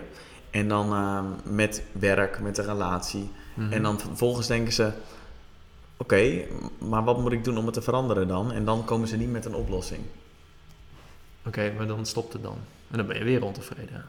Ja, maar dus, dat is dus de vraag: is iedereen in staat om dat voor zichzelf te kunnen bedenken? Ja, weet ik niet. Nee. Ja, kan, ik- kan ik niet... eh, ja, kan ik eigenlijk niet een antwoord op geven. Nee. Alleen, ik vind het, het wat, ik, wat ik dus vaak zie, is dat als mensen wel lopen te zeiken, maar er niks aan doen, dan denk ik, oké, dit hier, hier klopt iets niet.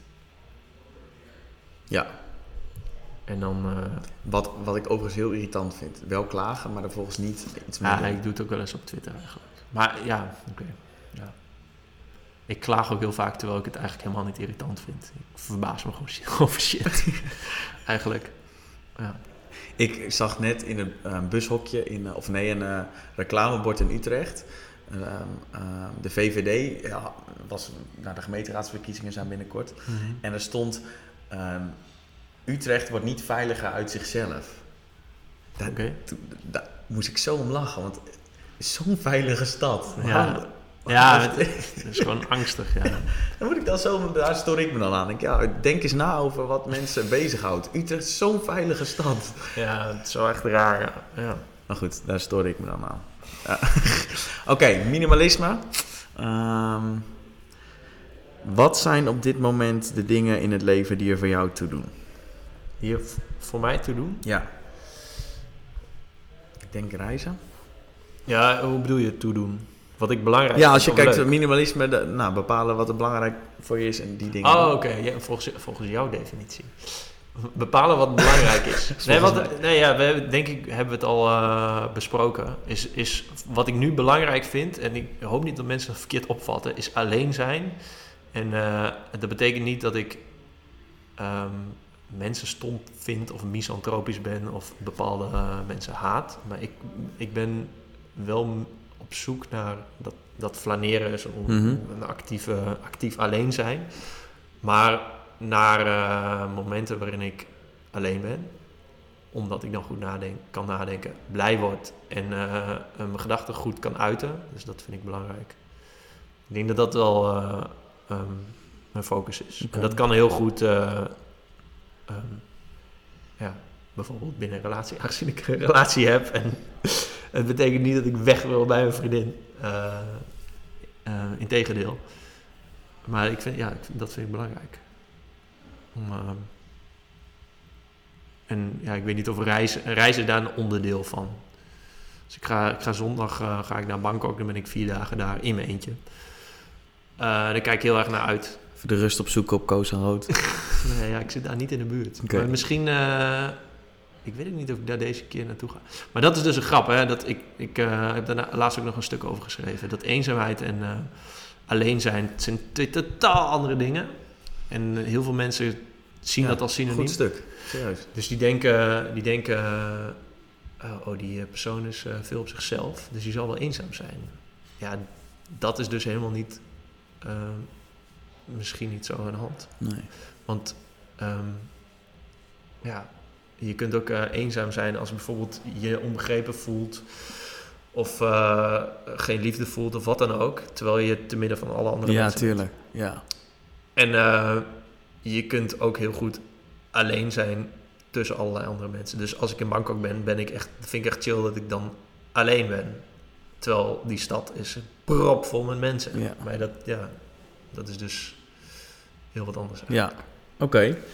Ehm, Ik ben benieuwd naar dit antwoord. Wat is ehm, succesvol zijn voor jou? Oh ja, die had je al opgestuurd, hè, die vraag. Wat is succesvol zijn? Had je die opgestuurd? Het zou heel goed kunnen. Ja, bij mij verandert dat Oh. heel erg. En ik dacht vroeger altijd van ja, als je heel veel geld verdient en heel belangrijk bent en zo. Dus, maar dat begint bij mij ook steeds meer te veranderen. Dus ik ben heel erg benieuwd naar jouw antwoord. Wat is, ik heb er niet over nagedacht trouwens. Ehm, wat is succesvol zijn? Soms zijn de antwoorden met, uit de eerste ingeving het beste. Ehm, ik heb geen idee, man. Want ja, ik neig ook... Want, want ehm, ja, het, het makkelijkste antwoord is... eh, ehm, als je het betrekt op zakenwereld... Ja, slaat ook nergens op, eigenlijk. Want dat, dat heeft alleen maar met geld te maken. Succesvol, ja, ja, succesvol in je relatie is als je relatie chill is. Als je het soort van 1 plus 1 is 3 Ja. eh, gevoel hebt. Succesvol in je... Met Ja, ik bedoel het echt algemeen hoor. Dus ik bedoel het niet... eh, Ja, succesvol is eh, je doelen behalen. Maar ik vind doelen stellen ook zoiets... Ja, daar gaan we het ook over hebben. Want, eh, Ja, weet ik wordt- niet. Ik, wow, wat een moeilijke vraag, man. Ja, is het ook Snel, wel. snel een nieuwe. Nee, ja... Misschien, Geen idee. Ik- kom ik er zo nog op terug. ik weet niet wat succesvol zijn is. Ehm, in het nu zijn. Je spreekt trouwens, eh, ehm, dat stond ook in het boek, je, je spreekt vaak je affectie uit voor, eh, voor je vriendin. Dat vind ik echt wat lachend. eh. dus ik vind Jenny, dat, ik eh, hoop dat je luistert. maar dat is mooi, dat doen, weinig mensen, dus dat vind ik, vind ik te gek. Maar in het boek zeg je ook, zij leerde me van het moment te genieten. En ik ben heel nieuwsgierig, hoe deed of doet ze dat? Mm, nou, ik kwam erop omdat ik ehm, heel vaak en nu nog steeds denk van oké, ehm, wat, hoe gaat wat ik nu aan het doen ben de toekomst ehm, beïnvloeden? En ik vind het ook heel leuk om me te verheugen op dingen. Ik vind dat als ik iets heb om op te verheugen, dat is een soort van eh, drive voor me. Dat vind, daar word ik blij van.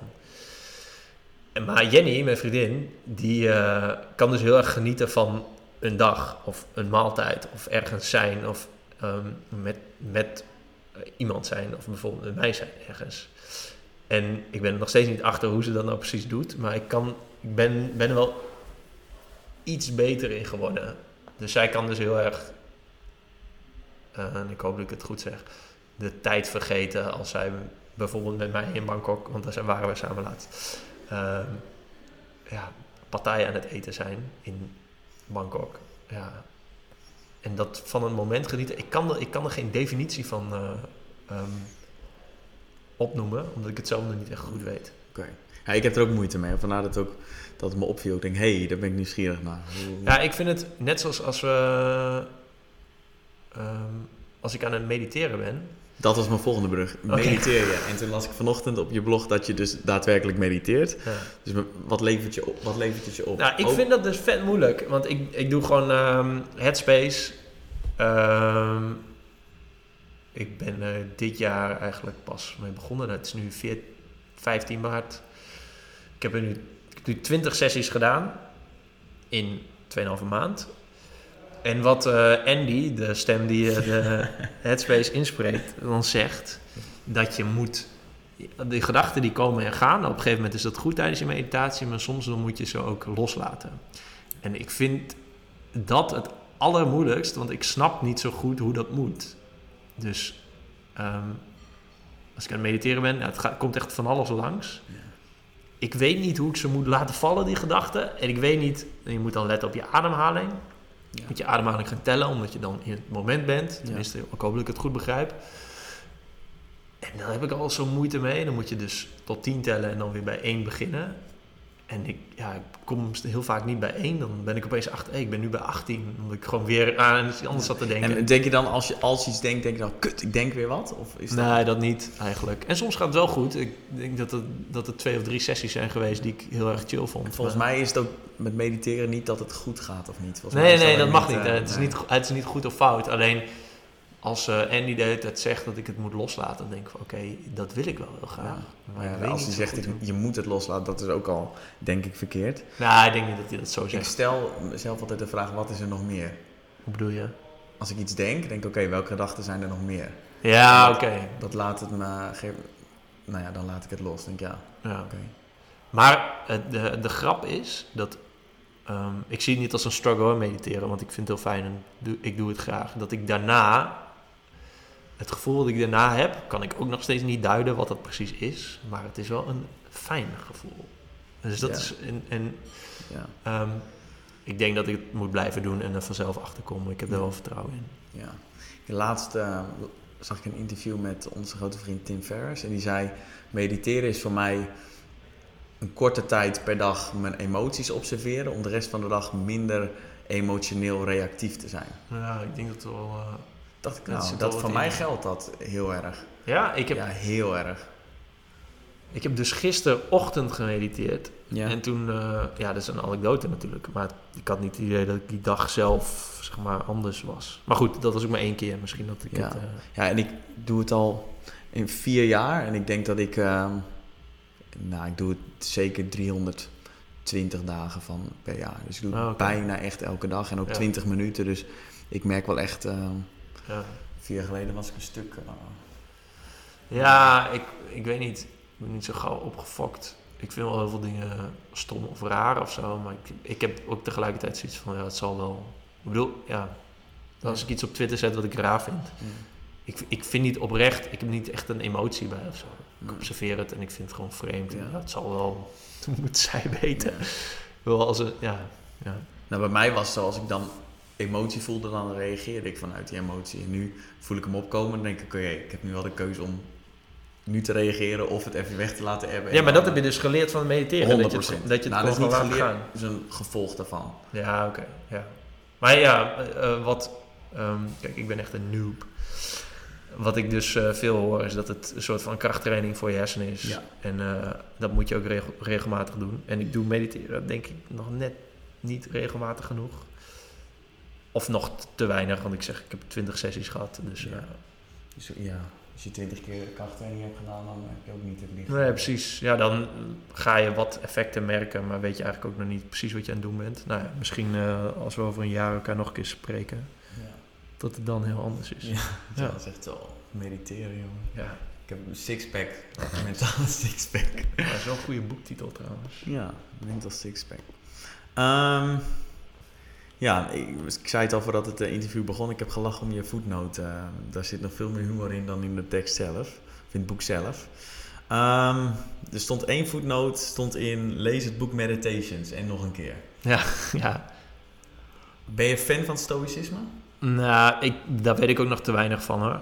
Want eh, ik heb dat boekje van Ma- Marcus Aurelius, Meditations. En kijk er soms in. Hij staat ook in je lijst van eh, boeken die je aanraden, toch? Ja, omdat ik het... eh, het is een heel uniek boek. Hij heeft het geschreven... Het was een Romeinse keizer. En hij heeft het geschreven als een soort dagboek. Ja. Hij had nooit bedacht van oké, ik ga dit uitgeven. Hij werkt volgens mij ook niet met pre-orders en e-maillijsten. maar eh, dus hij heeft allemaal shit opgeschreven over hoe hij vindt dat hij zelf zou moeten leven. Zonder argumenten, want hij zei van oké, het is toch voor mezelf, dus ik hoef geen argumenten te Ja. leven. En vervolgens is dat eh, samengevoegd, uitgegeven, weet ik veel. En dat is 2000 jaar geleden geschreven. Alleen het mooie vind ik dat op ieder moment in je leven zit je wel ergens mee of denk je ergens aan. En door dat boek te lezen krijg ik best wel vaak een nieuw inzicht, precies over het onderwerp waar ik aan denk. En dan lijkt het een soort van heilig boek te zijn met alle antwoorden, maar dat is het niet. Maar ja, en het stoïcisme ehm, is wel een interessante kijk op de wereld. Dus eh, daarom zeg ik van lees het boek en nog een keer, omdat iedere keer. ehm, je Geeft kunt, het jou weer een nieuw inzicht? ja, je kunt dus nu iets Kun je een lezen. voorbeeld noemen? Ehm, maar nee, eigenlijk niet. nee, nee, ik weet niet de specifieke inzichten ervan. Daarom zeg ik van ja, ik weet er nog te weinig over. Maar eh, stel je. Dit edit ik er gewoon in. Oké. Als je, stel je leest een boek of zo van iemand. Je denkt al heel gauw van, oh, deze persoon die zal het wel weten. Ja. Of zo. Ja. Maar waarschijnlijk is het gewoon net zo'n persoon als jij. Die ook overal zijn twijfels over heeft. Ja. En, Maar dat vind ik ook, jij zegt ook onderaan, dat is ook een dingetje wat ik nog als vraag had. Ik weet het ook niet. En ik stoei daar ook mee, want ik vind wel dat je als je een uitspraak doet, dat dat ook wel ergens gegrond moet zijn. Dat je niet Ja. zomaar, maar het gemak waarmee mensen, zeker op het internet, waarin er geen gatekeepers zijn, dus je maar alles kan roepen. Ja. Mensen zeggen het met zoveel overtuiging. Ja, maar ik het, is zo... Ja, zo- dat kun je ook wel weer doodredeneren. Omdat eigenlijk niks... Je weet niks zeker. Dus dan... En het is ook zo vervelend om die discussie aan te gaan. Dan zit ik in zo'n Telegram eh, groep. En dat heet Mindful Makers. En eh, waarin mensen... eh, ehm, eigenlijk kun je daar je meditaties in loggen. Dus dan zeg je slash meditate en dan 15. Dan heb je 15 minuten gelogd en dan houdt hij dat dan bij in een kalendertje. Alleen tegelijkertijd kun je, zitten daar 150 mensen in die praten over allerlei onderwerpen. Meditatie, maar ook zorg in het leven. Of iemand zegt van, yo, ik zit hiermee, kunnen jullie daarmee helpen? Echt best wel, best wel, oh sorry, best wel chill eh, niveau. Eh, en, eh, of, ja, hoe zeg ik dat goed? Niveau? Ja, best wel chill niveau. En dan is er iemand die zegt, yo, ja, er is ook een, een eenzaamheidsepidemie in Engeland. En dan begint hij daarover. Dan zeg ik van, joh, kun je de bron geven? Want ik zat laatst een boek te lezen en dat heet dit, dit boek. Waarin stond van, oké, er zijn wel veel mensen die zeg- zeggen dat ze eenzaam zijn. Maar tegelijkertijd zeggen ook heel veel mensen dat ze daar geen last van hebben. Ehm, dus er is eigenlijk niet zo heel veel veranderd. Men, die, die, die data wordt de hele tijd verkeerd geïnterpreteerd. Ja. En dan zegt hij, ja, nee, je moet gewoon eventjes googlen op dat en dat en dat. Dan kom je er vanzelf op. Ik denk, ja, dit is dus precies cherrypicking. Als ik iets ga googlen, een, een statement, ja, dan zet ik dat gewoon tussen eh, quotes. En Ja. dan, heb ik, ja, dan heb ik iets gevonden wat, wat klopt. Maar zo Ja. werkt de wereld Nee. niet. Nee. En, maar dat is, en ik neem het die persoonlijk niet kwalijk, want die hoort dan zoiets en die denkt, nou, dat zal wel zo zijn, een epidemie. En dan ben je eigenlijk met alles is het zo van, oké, denk maar eens dieper over na. Van, Ja. En waar komt het vandaan dat iemand dat zegt en wat baseert hij het ja, op? alleen het kutte is dus dat je niet kan weten wat je niet weet. Ja. Je kunt alleen weten dat je niet zoveel weet. Ja, maar goed, een goed begin is wel beseffen dat jij zelf helemaal niks weet, maar de rest van de wereld ook niet. Want als je alleen dat Mhm. eerste doet, dat, dat artikel zat je opsturen, dan staat dat ook Oh ja, in. Dat. De eerste stap is, is nou ja, het klopt allemaal. Het, het, eh, wat de regels die gemaakt zijn, die kloppen. Vervolgens kom je, zeker als je zelf in dingen gaat verdiepen, boeken gaat lezen, dan denk je, tering, ik weet helemaal niks. Maar dat is best wel kut, want dan denk, weet jij dat je niks weet. Mhm. Maar iedereen zegt het met zoveel zekerheid dat je denkt, de rest van de wereld weet het wel. Ja. Een volgende stap is, is dat je ook beseft dat de rest ook geen flikker weet. En dan kom je uiteindelijk bij een om independent thinker, noemen ze dat. Ah, dan ben je verlicht. Ja, ik, ik weet niet of het verlicht is, maar dan, nou ja, goed. Vind je daar in ieder geval een weg in. Nee, ik vind het wel een mooi inzicht, ja. Want ik zit nog best wel in die, in die eerste stap. Ik ook. En dat is kut. Vind ik. Eh, Want dan geef je jezelf eh, je eigen mening af en toe te weinig gewicht mee. Terwijl, Ja. Nou, misschien zit ik wel in die tweede. Want ja, ik, ik, ik betwijfel wel shit die andere mensen zeggen. Van jou, oké, maar...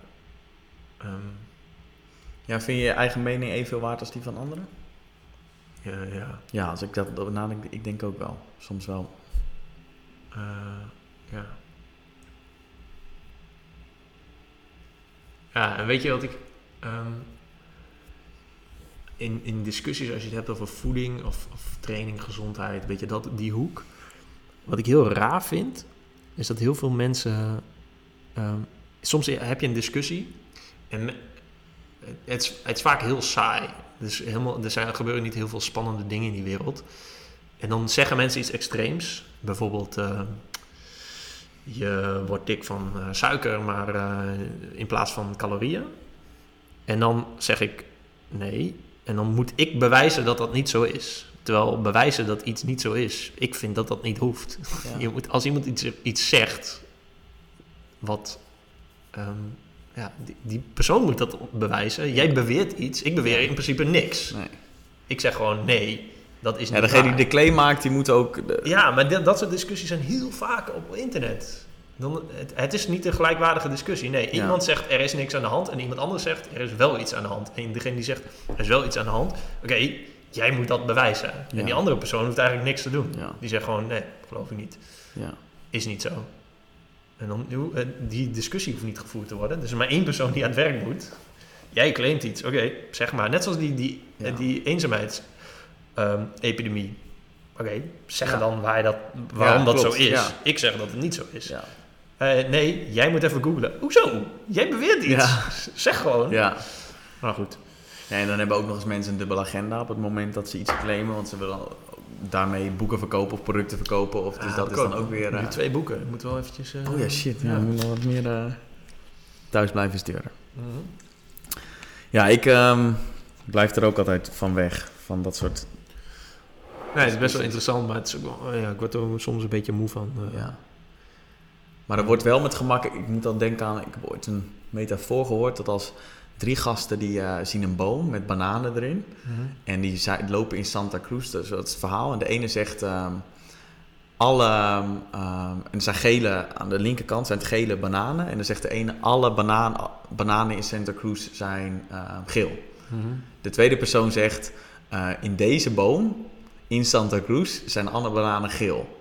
En de derde persoon zegt, aan de linkerkant van de boom, in Santa Cruz, zijn de bananen geel. Ja. En dat is wel, als iemand, zeker ook met voeding, die heeft dan iets gehoord en dan is het gelijk een algemene, universele waarheid. Voor iedereen Ja. altijd, zuivel is slecht. Of ja, dat is gewoon niet zo. En vaak mensen die de nuance erin aan kunnen brengen, denken, oké, die heeft, nou ja, in deze situatie, Ja, deze persoon met... dat ligt eraan. Ja, is dat- het, is het, dat, boek moet nog contextafhankelijk. geschreven worden. Dat, Ja, Een dieetboek, wat heet Dat ligt eraan.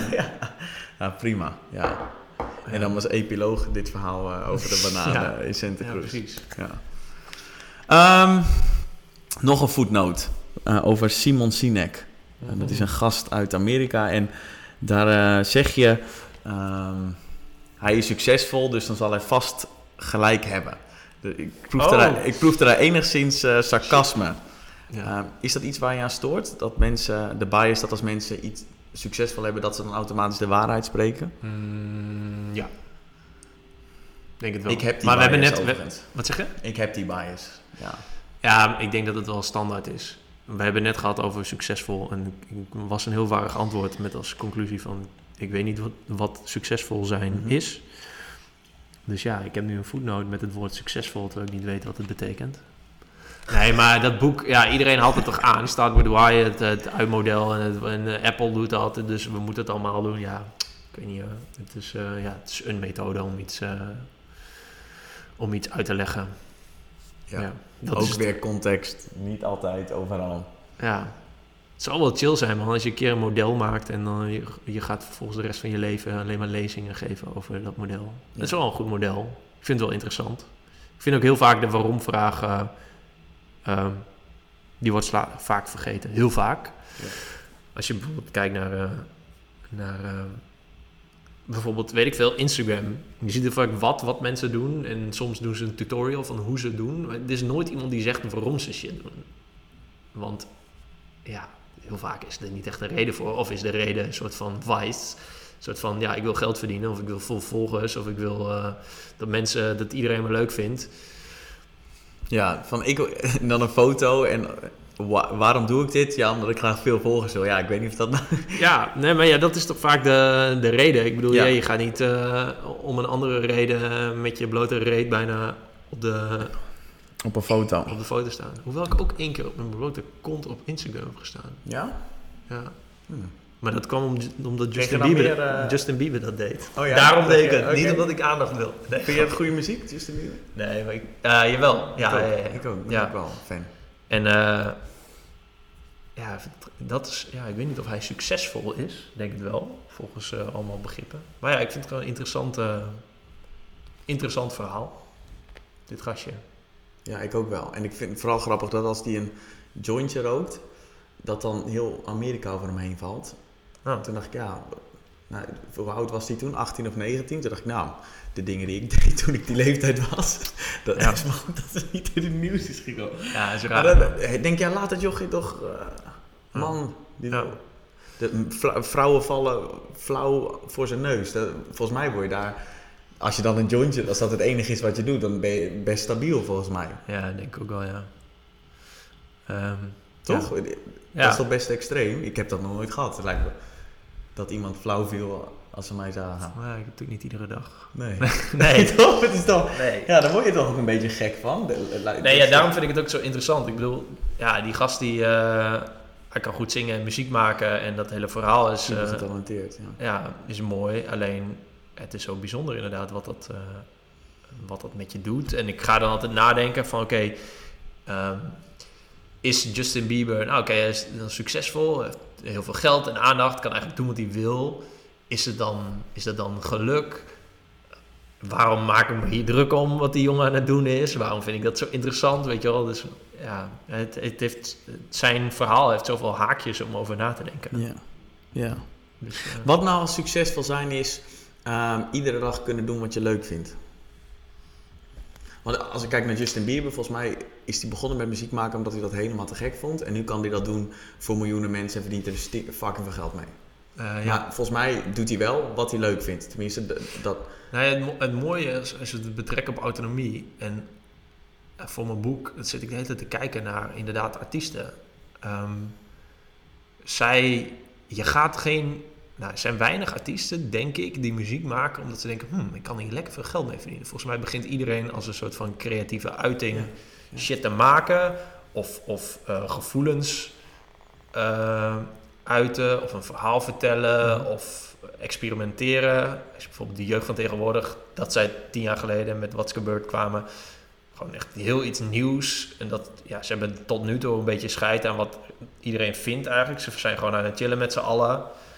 Ja, vind ik heel erg tof. Ik vind dat heel erg autonoom. En ja, dat is wel een mooi streven. Zij denken volgens mij niet, niet echt na over wat de rest vindt. Terwijl de rest ze heel erg leuk vindt. Dat is best wel... Ja, en de vraag is, vinden mensen het leuk omdat ze dus niet nadenken over wat de rest ervan vindt? Ja, Want misschien is dat maakt het ook wel. authentiek. Ja. En daardoor denk je van, oh, deze gasten zijn... dat Prince op een gegeven moment de, de artist formerly known as Prince was. Ja, het is tering grappig. Ja, ik heet geen Prince meer, ik heet nu zo. Oké, en daarna was hij een of andere logo, had hij voor zichzelf, had hij een of ander symbool bedacht. Nu ben ik dit. Ja, ik vind dat fantastisch. Hè, maar die mis ik even. Want hij, ja, als je, ga maar eens even, zet mij in de show notes. Prince had op een gegeven moment had hij een symbool. Gewoon een, het was geen letter, maar het was een symbool. En dat was hoe je hem moest aanspreken. Ja, dat vind ik fantastisch. Hij heeft zoiets van, oké, ja, nu heet ik zo. En ja, het is, niet, het is niet vastgelegd dat ik Prince heet. Net zoals Puff Daddy, die P. Diddy en toen Diddy en weet ik veel wat die allemaal Ja, ja, ja, ja. is 50 toch cent cool? werd 35 cent. en- Ja, ik weet niet of dat echt nee, ik gebeurt. weet ook niet. Dat, dat, Nee, maar dat is, zijn. ik vind dat soort shit vind ik mooi. Omdat dan de- iedereen denkt opeens van... Hé, maar dat kan toch helemaal niet? Want jij heette zo. Ja, nou en? Ja. Dus nu, nu is het toch gewoon anders. Oké, dus auto... Als je, vind Maar je dat is dat als misschien je... authentiek. Ja. Wat een product is van... Of het resultaat is van autonomie. Autonoom zijn. Ja, Tering. Het wordt... eh, ik heb ook een beetje hoofdpijn. Ja. Godzang. Oké. Ehm, waar wil ik heen? Ja, ik, ik, ik zit nog steeds met dat succesvol. Wat, wat het dan... ehm, doen wat je leuk vindt, autonoom zijn. Hmm. Zit het in die hoek dan? Ja, maar wanneer... Oké, laten we het omdraaien. Wanneer ben je niet succesvol dan? Nou, één component kan ik me voorstellen als je doet wat je niet doet wat je leuk vindt. Dus dat dingen doet die je niet leuk Maar vindt. su- succes is, eh, is nog gekoppeld aan resultaat eigenlijk. Een succes is een goed resultaat, maar een resultaat dat is ook welke maatstaf je zelf aangeeft, toch? Ja, dus succesvol implice- zoeken naar succes impliceert ook al dat je eh, dat je van tevoren behaalde doelen moet bereiken. Of eh, van tevoren gestelde doelen moet bereiken. Is het zo? Ja, ik weet niet. Nee, Zo- voor mij is het ook een work in progress. Hè? Dus ik zo, probeer denk er, ik, eh, zo denk ik er nu... Ja, ik ben hard over aan het nadenken. Zo denk ik er nu over na. Maar ik vind het wel interessant dat ik dat in mijn voet- voetnoot heb staan. Dat ik die persoon succesvol vind. Maar dat ik niet, nu nog steeds niet kan bedenken waarom precies. Ja, veel boeken verkocht, denk ik. Of mensen kennen zijn idee. Ja. Ja, en veel mensen kennen hem, maar hij zal veel geld verdiend hebben. En Ja. dat is een goed verhaal. Oké. Ehm, je hebt op een gegeven moment een blog geschreven over... ehm, ehm, welke is die eerste? Nou, Kees, Nassim en Steven. En Ja. wat is die eerste? Ik, ik zie hier JM staan. Ik weet niet of... Het, Ehm, oh, Jim. Jim Carrey.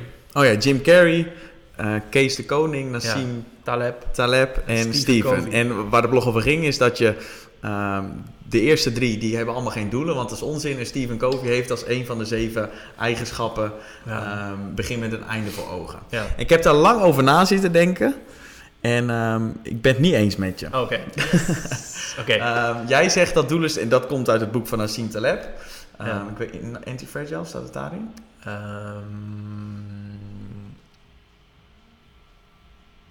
Volgens mij komt het in meerdere boeken van hem eh, naar voren. En Ja. eh, volgens mij, als ik het goed begrijp, dan zegt hij: mensen kunnen toch niet voorspellen, dus doelen stellen heeft helemaal geen zin, want je kunt niet voorspellen. Nee, eh, ja, inderdaad. Want je kunt niet in de toekomst kijken. Dus je kunt wel zeggen, ik wil dan dat behalen. Maar omdat het een hele grote kans is dat je niet precies op dat tijdstip dat doel gaat halen, zul je dus altijd teleurgesteld worden. Eigenlijk, dat Maar is, is dat, zo? Ehm, ja, dat denk, denk ik wel. Maar is dan de- het gevolg daarvan dat je niet doelen stelt? Want volgens mij gaat het bij doelen stellen toch niet om ehm, het precies halen van het doel, maar dat, je, dat het richting geeft en motiveert. Want ik Ja, kan maar, zeggen, dan, maar dan moet je een richting stellen.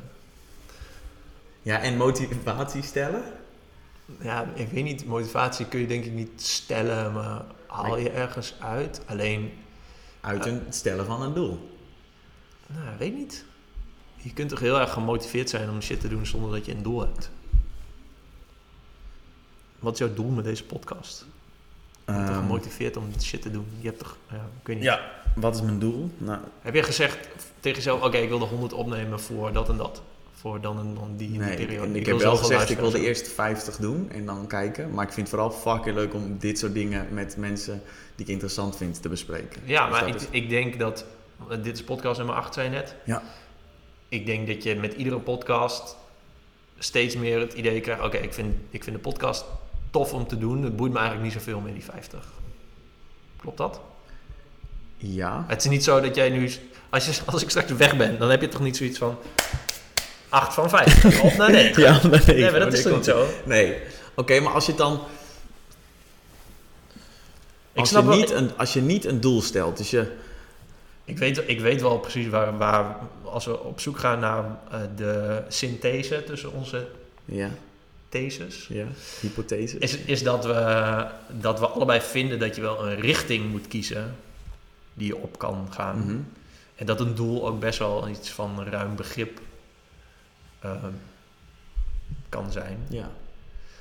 Alleen het punt is, en dan komen we weer terug op leven in een moment, is dat als je een doel stelt, een specifiek doel, is dat je daar dus alleen maar naartoe werkt. En dat je dus vergeet bijvoorbeeld van het proces te genieten ja. of te leven in een moment. En dat is...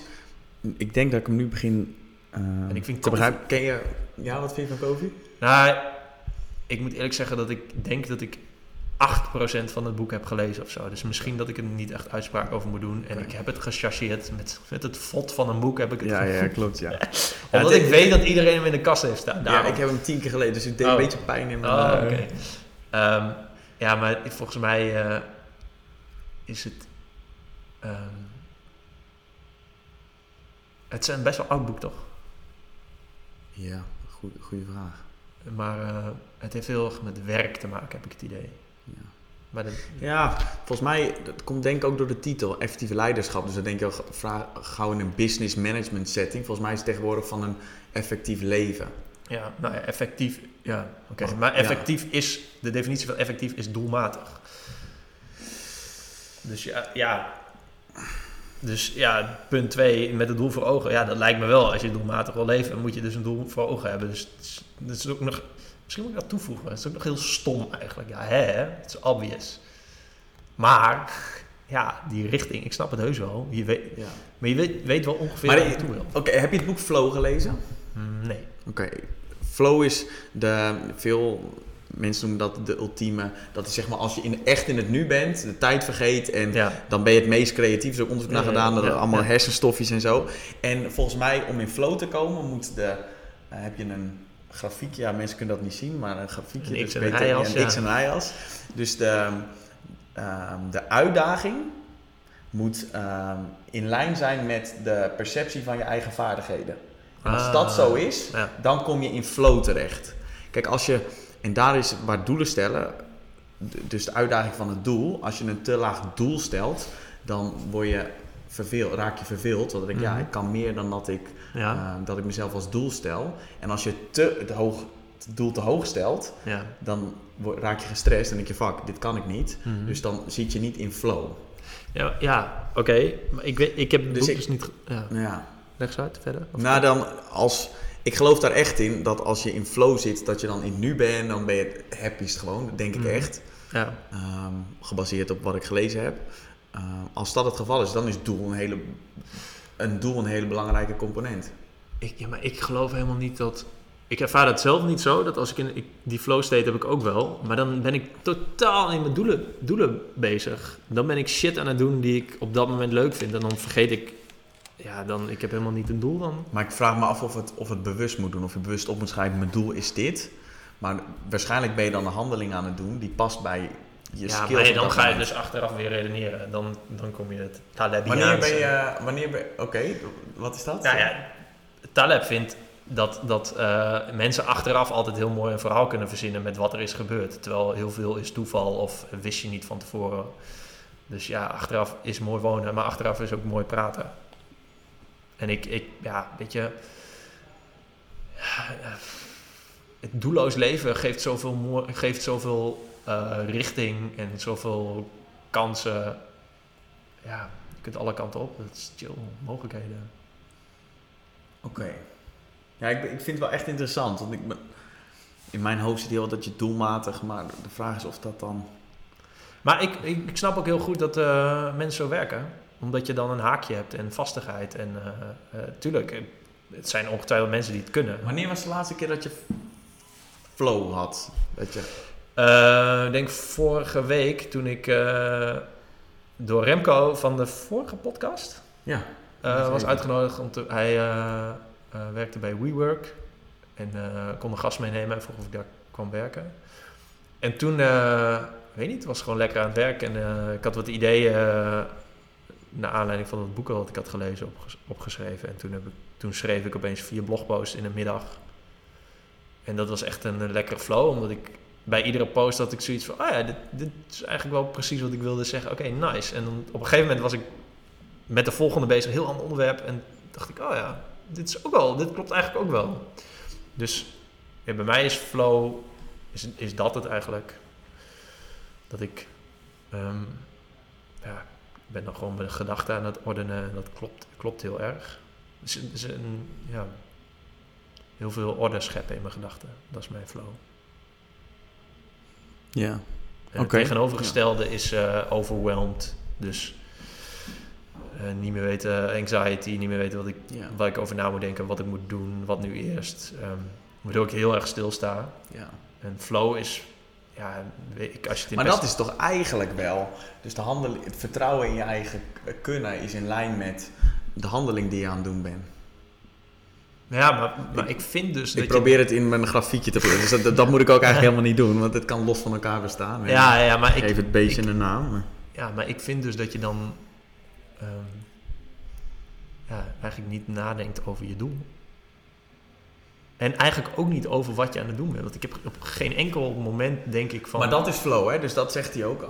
Dat je dan niet meer bezig bent met randzaken. Dus niet met je Nee. doel, maar het is alleen dat het je motiveert op dat moment. Ja.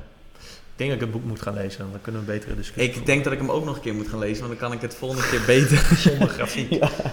Dan kan ik ook zeggen, oké, dat is ook flow. Ehm, waar komt je sarcasme vandaan? Poeh.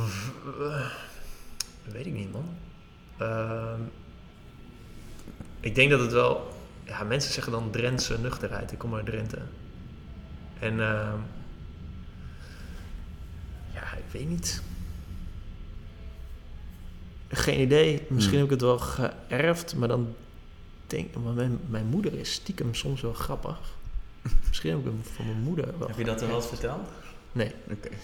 Eh, nee, eigenlijk niet. En ehm mijn... eh, ja, weet je, ik denk... Ik, ja, het is een wilde gok, want ik heb er nooit echt over nagedacht. Maar ik denk omdat mijn broer, mijn zus, mijn broertje en ik...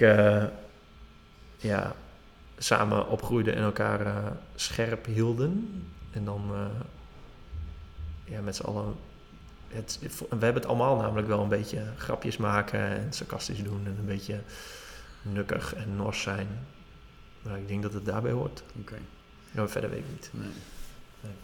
Nou goed, en je hebt het misschien dat wel meer mensen sarcastisch zijn, alleen die bloggen niet op een sarcastische manier op het internet. Dus het is ook niet. Ja, ik enorm. vind. eh, ik weet dat het goed werkt om, eh, om zelfspot te hebben voor jezelf.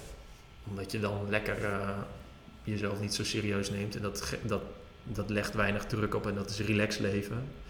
En ik weet ook dat. ehm, ja, dat werkt, het werkt goed in eh, tekst. Omdat, omdat dan, eh, als mensen emotie hebben met een tekst, dan komt de tekst goed over. Dus als daar sarcasme in zit, of humor, of Wat heel als iets er- extreems. Als er emoties, wat zijn nou? Als mensen emotie hebben bij een tekst, Ja. dus daarom werken verhalen ook zo goed in plaats van droge tekst. Dan ze kunnen zich inleven of ze hebben gedachten bij iets wat er gebeurt in een verhaal.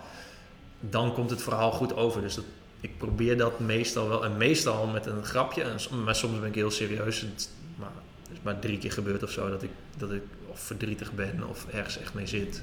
Dat ik het, die emotie probeer te uiten.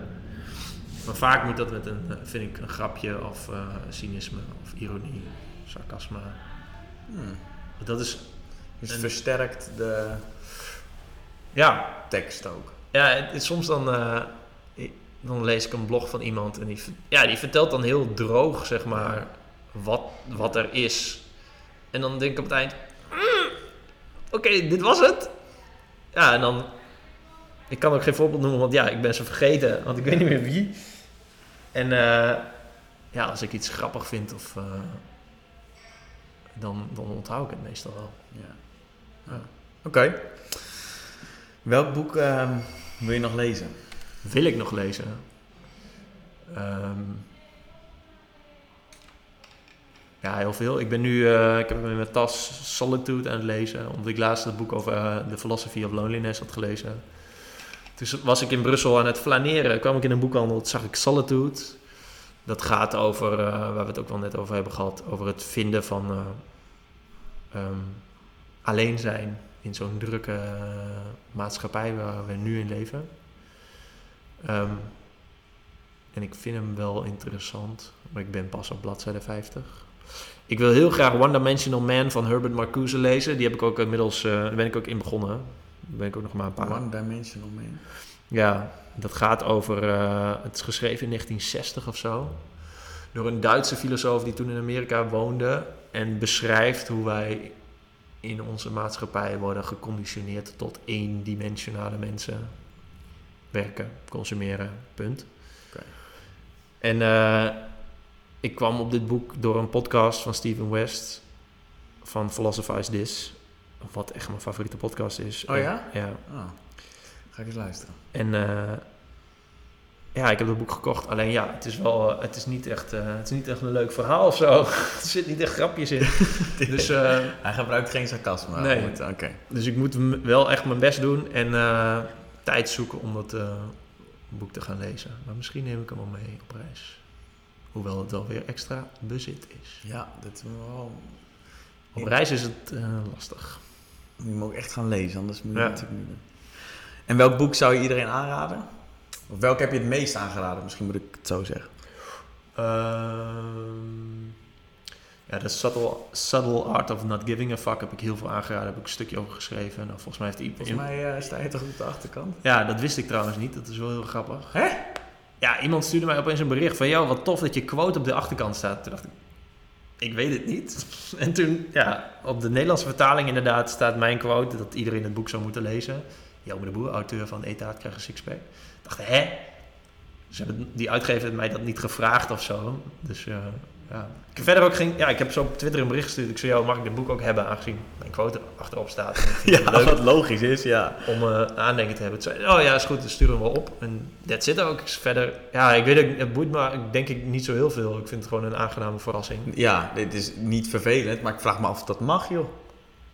Ja, boeit me niet zo. Ja, moet zij weten. Ja, weet niet. Nou, het is voor jou ook niet... het is geen slechte Nee. reclame, toch? Maar ehm, eh, die. Drive van Daniel Pink vind ik heel erg goed, omdat eh, ehm, dat gaat dus echt over motivatie. En door hem ben ik eigenlijk, door dat boek te lezen, ben ik best wel afgestapt van het, eh, van het ehm, zien van salaris of geld als beloning voor werk.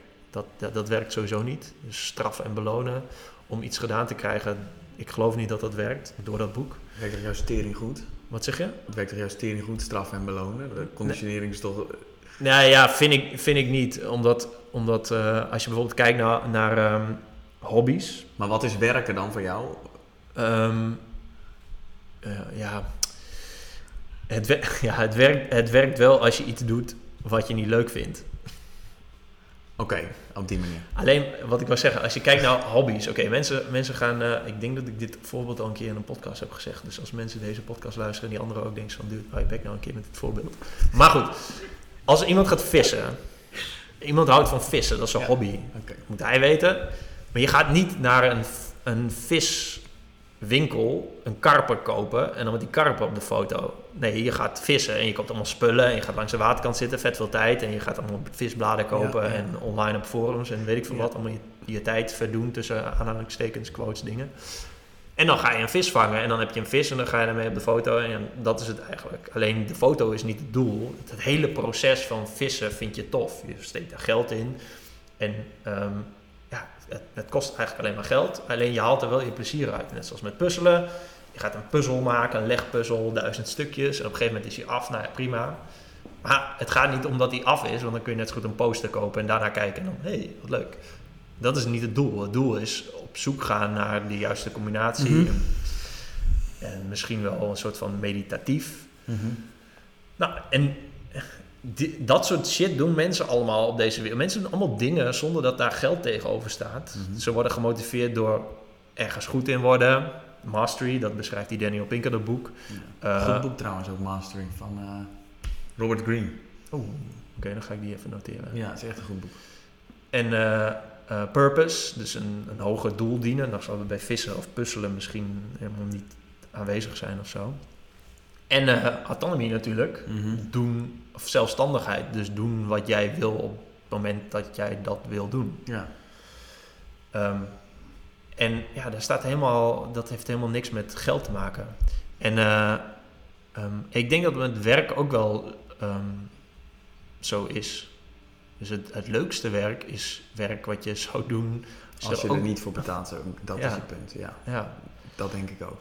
en, eh, en het, het, rare is, is dat dat hele salaris als ruilmiddel voor, eh, voor arbeid, ehm, dat maar geaccepteerd wordt. Ja, dat is nou eenmaal zo. Ik lever een stukje van mijn leven in en dan krijg ik geld voor terug. Maar dat is best wel, ik zeg niet dat het goed of fout is en dat iedereen moet het zelf weten natuurlijk, maar het is best wel iets om lang over na te denken. Ja.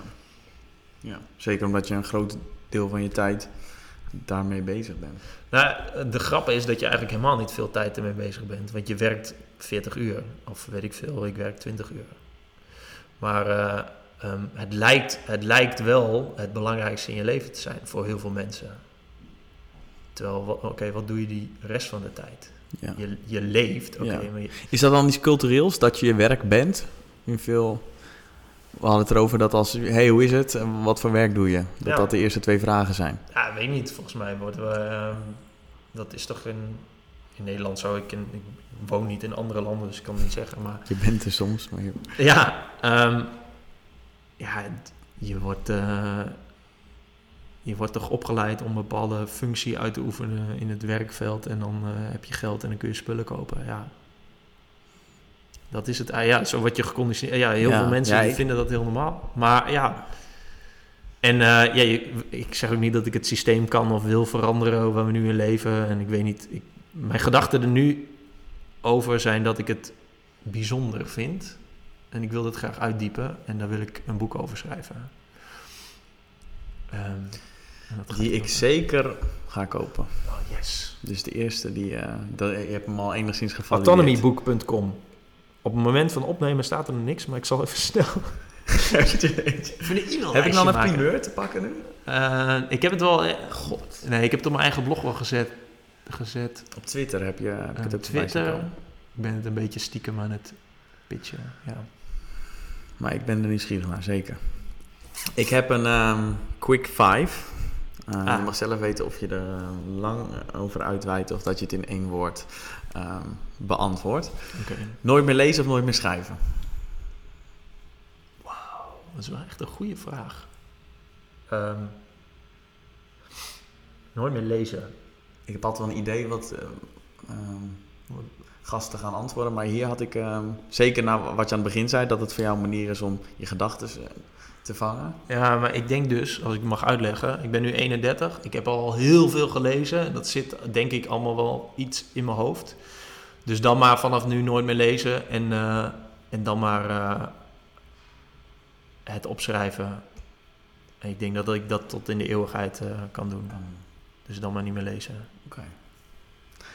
Nooit meer sporten of nooit meer reizen? meer sporten of nooit meer reizen. Ehm, maar dan moet ik dus voor altijd op deze plek blijven zitten. Want als ik nooit meer zou reizen. Maar reizen als in naar het buitenland. Ah, oké. Of na, nooit meer sporten of nooit meer flaneren? Wow, dit is echt een duivels dilemma. Omdat ik weet hoe belangrijk bewegen is. Alleen als ik nooit meer flaneer, dan ga ik ook dood. Ja, links of rechtsom ga ik dood. Ehm, ik kan het niet beantwoorden. Nee, Oké. ex equo. Niet neutraal. Met wie, eh, dood of levend, zou je een keer uit eten willen gaan? Oeh. Met eh Nassim Taleb. Omdat het zo'n eh, vrolijke vent is, of niet? Ja, het is gewoon ja, het is een oude chagrijn. Ja, en het uiteindelijk, ja. ik denk dat ik de helft van zijn boek begrijp. En de rest denk van, oké, ik lees het nog wel een keer.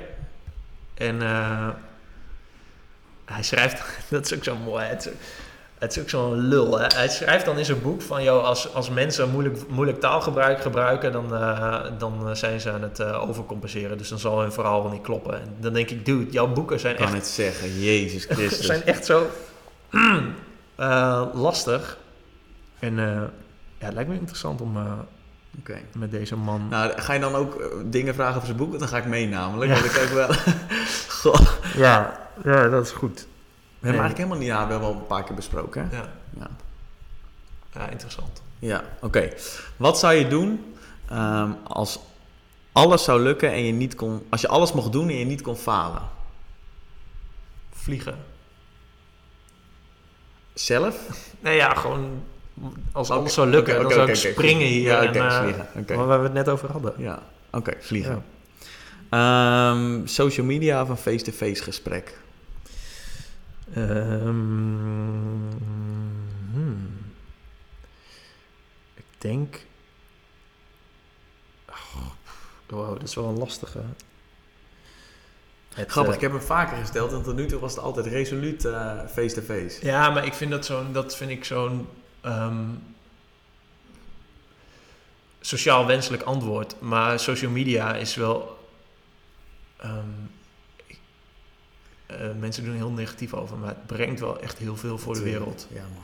Dus je kunt op die manier wel heel goed ideeën verspreiden. Ik denk dat er wel heel veel goeds aan social media zit. Social media zitten Jazeker. Ja. aan social media zit. Zit. Ben, ben je introvert of extrovert? Introvert. Dan kan ik me voorstellen dat je voor social media zou gaan. Want dan, Ja, nee, ja, ik vind het chill om zoals nu ook gewoon een lang gesprek te hebben. Omdat je dan je. Dat is chill, ook zeker aan podcasten. En eh, podcasts zijn echt een zegen voor de wereld. Omdat je in ideeën of een idee heel lang ja. Zonder onderbreking Ja. van reclame of per se die voetbalwedstrijd die om kwart voor negen Ja. begint. Dat is ook waarom televisie een doodgaand medium is. Omdat er alles snel moet. En, Ja, ja, daar, ja, daar heb je ja, niet heel veel aan. Nee. Dus daarom is een face-to-face gesprek. Ja, dan kijk ik eigenlijk alleen naar ehm, waarde. Ik weet niet, ik vind het allebei wel chill. Je moet kiezen. Oké. ehm, ah,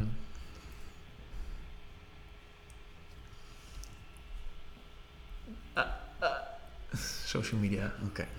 Oké. Ehm, ja, maar eh, we hebben het eigenlijk al over gehad. Wat wordt je volgende boek? Autonomie. Ja. Heb je al een, weet je wanneer die... ehm, Nee, ik denk, eh, ik heb geen doel. nee. Mijn vorige boek, eh Thuisblijven is duurder, besloot ik eind juli te schrijven. En die kwam eh, e- in begin februari uit. Dus dat is zeven maanden was het hele proces. En ik ben tevreden met het eindresultaat. Alleen ik denk dat het volgende boek over au- autonomie... Ik wil het Engels schrijven, omdat ik beter wil worden in Engels. Ehm, ik denk dat dat Is dat de enige reden? Of wil je gewoon ook meer mensen bereiken? Eh, ja, ook, ja, ook ja. Ehm, ja, dat is ook een goede reden, ja. Voor zover ik het in kan schatten, vind ik ook dat je dat nou ja, verdient. Maar dat meer mensen hebben recht op jouw ideeën. Dat ben ik wel. Ah, thanks. Ja. Eh, maar ja, dat is zeker een reden. Ehm, en het, ja, het forceert me dus om eh, een beter Engels te kunnen. Ja. En eh, ik denk dat ik daar zeker een jaar voor nodig heb. Het is nu half maart. Dus ik denk dat ik ga in de, in de lijn van de autonomie op die website gaan zetten. Ergens in 2019. Ik denk dat dat wel mooi is. Eh, dat die verschijnt. Ehm, ja, dan heb ik vanaf nu eh 20 en een halve maand. Ja, denk ik. Ja, 20 en een halve maand om het te schrijven. Maximaal. Als die 31 januari 2019 uitkomt. Nee, toch? Het is 2018. Ja. Dus dan is het nu, het is nu maart, dus dit eh, jaar duurt nog. eh, ehm, 2020 heb je het dan over, denk ik.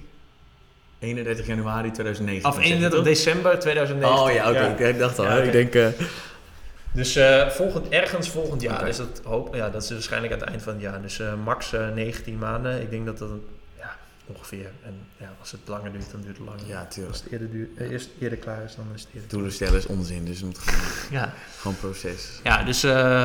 en ik ben er stiekem al een beetje mee bezig. Want een van de categorieën op mijn nieuwe website is autonomie.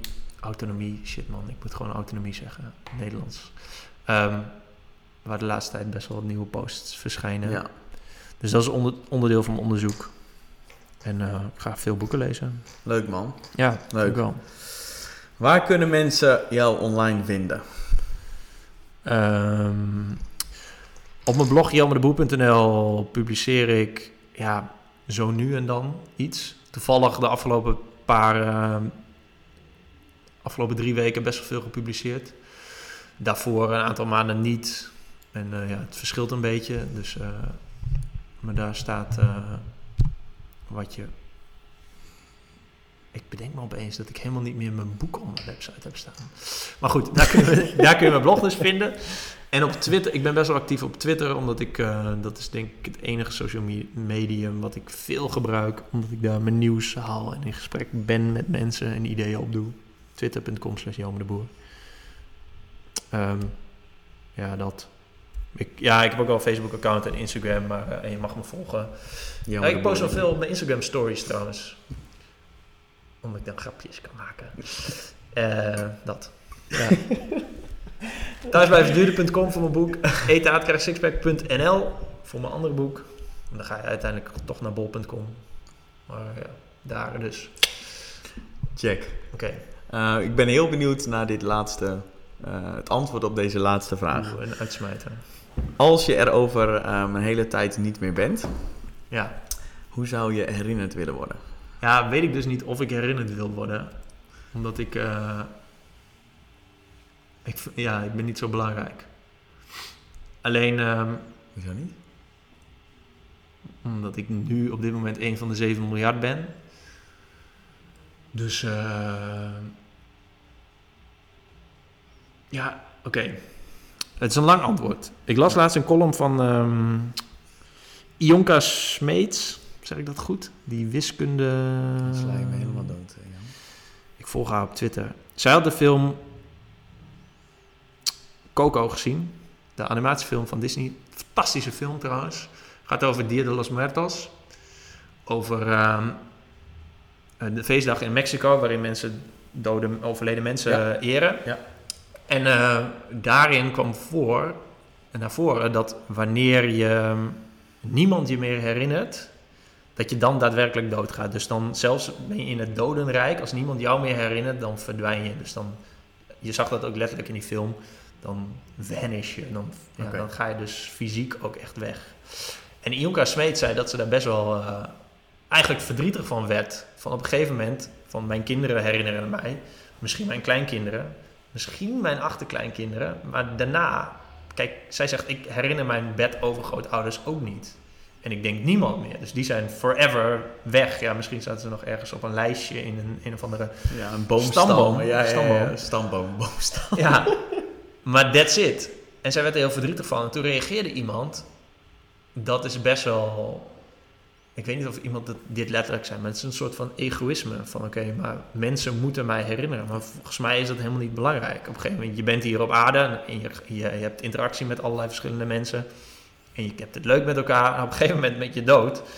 Ja, het is misschien eh, je familieleden die nog eens aan je terugdenken over dat je een fijne tijd hebt gehad. En je vrienden.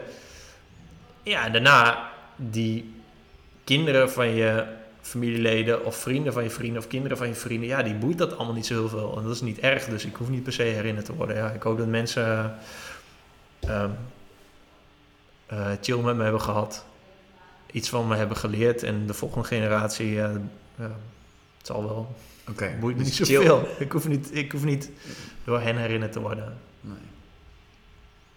Ja, Dat is ook een antwoord. En eh, toen dacht ik, eh, die Ionka Smeets met haar column, ik dacht van ja, dat, ik ging erover nadenken. Ik dacht, ja, dat is zo.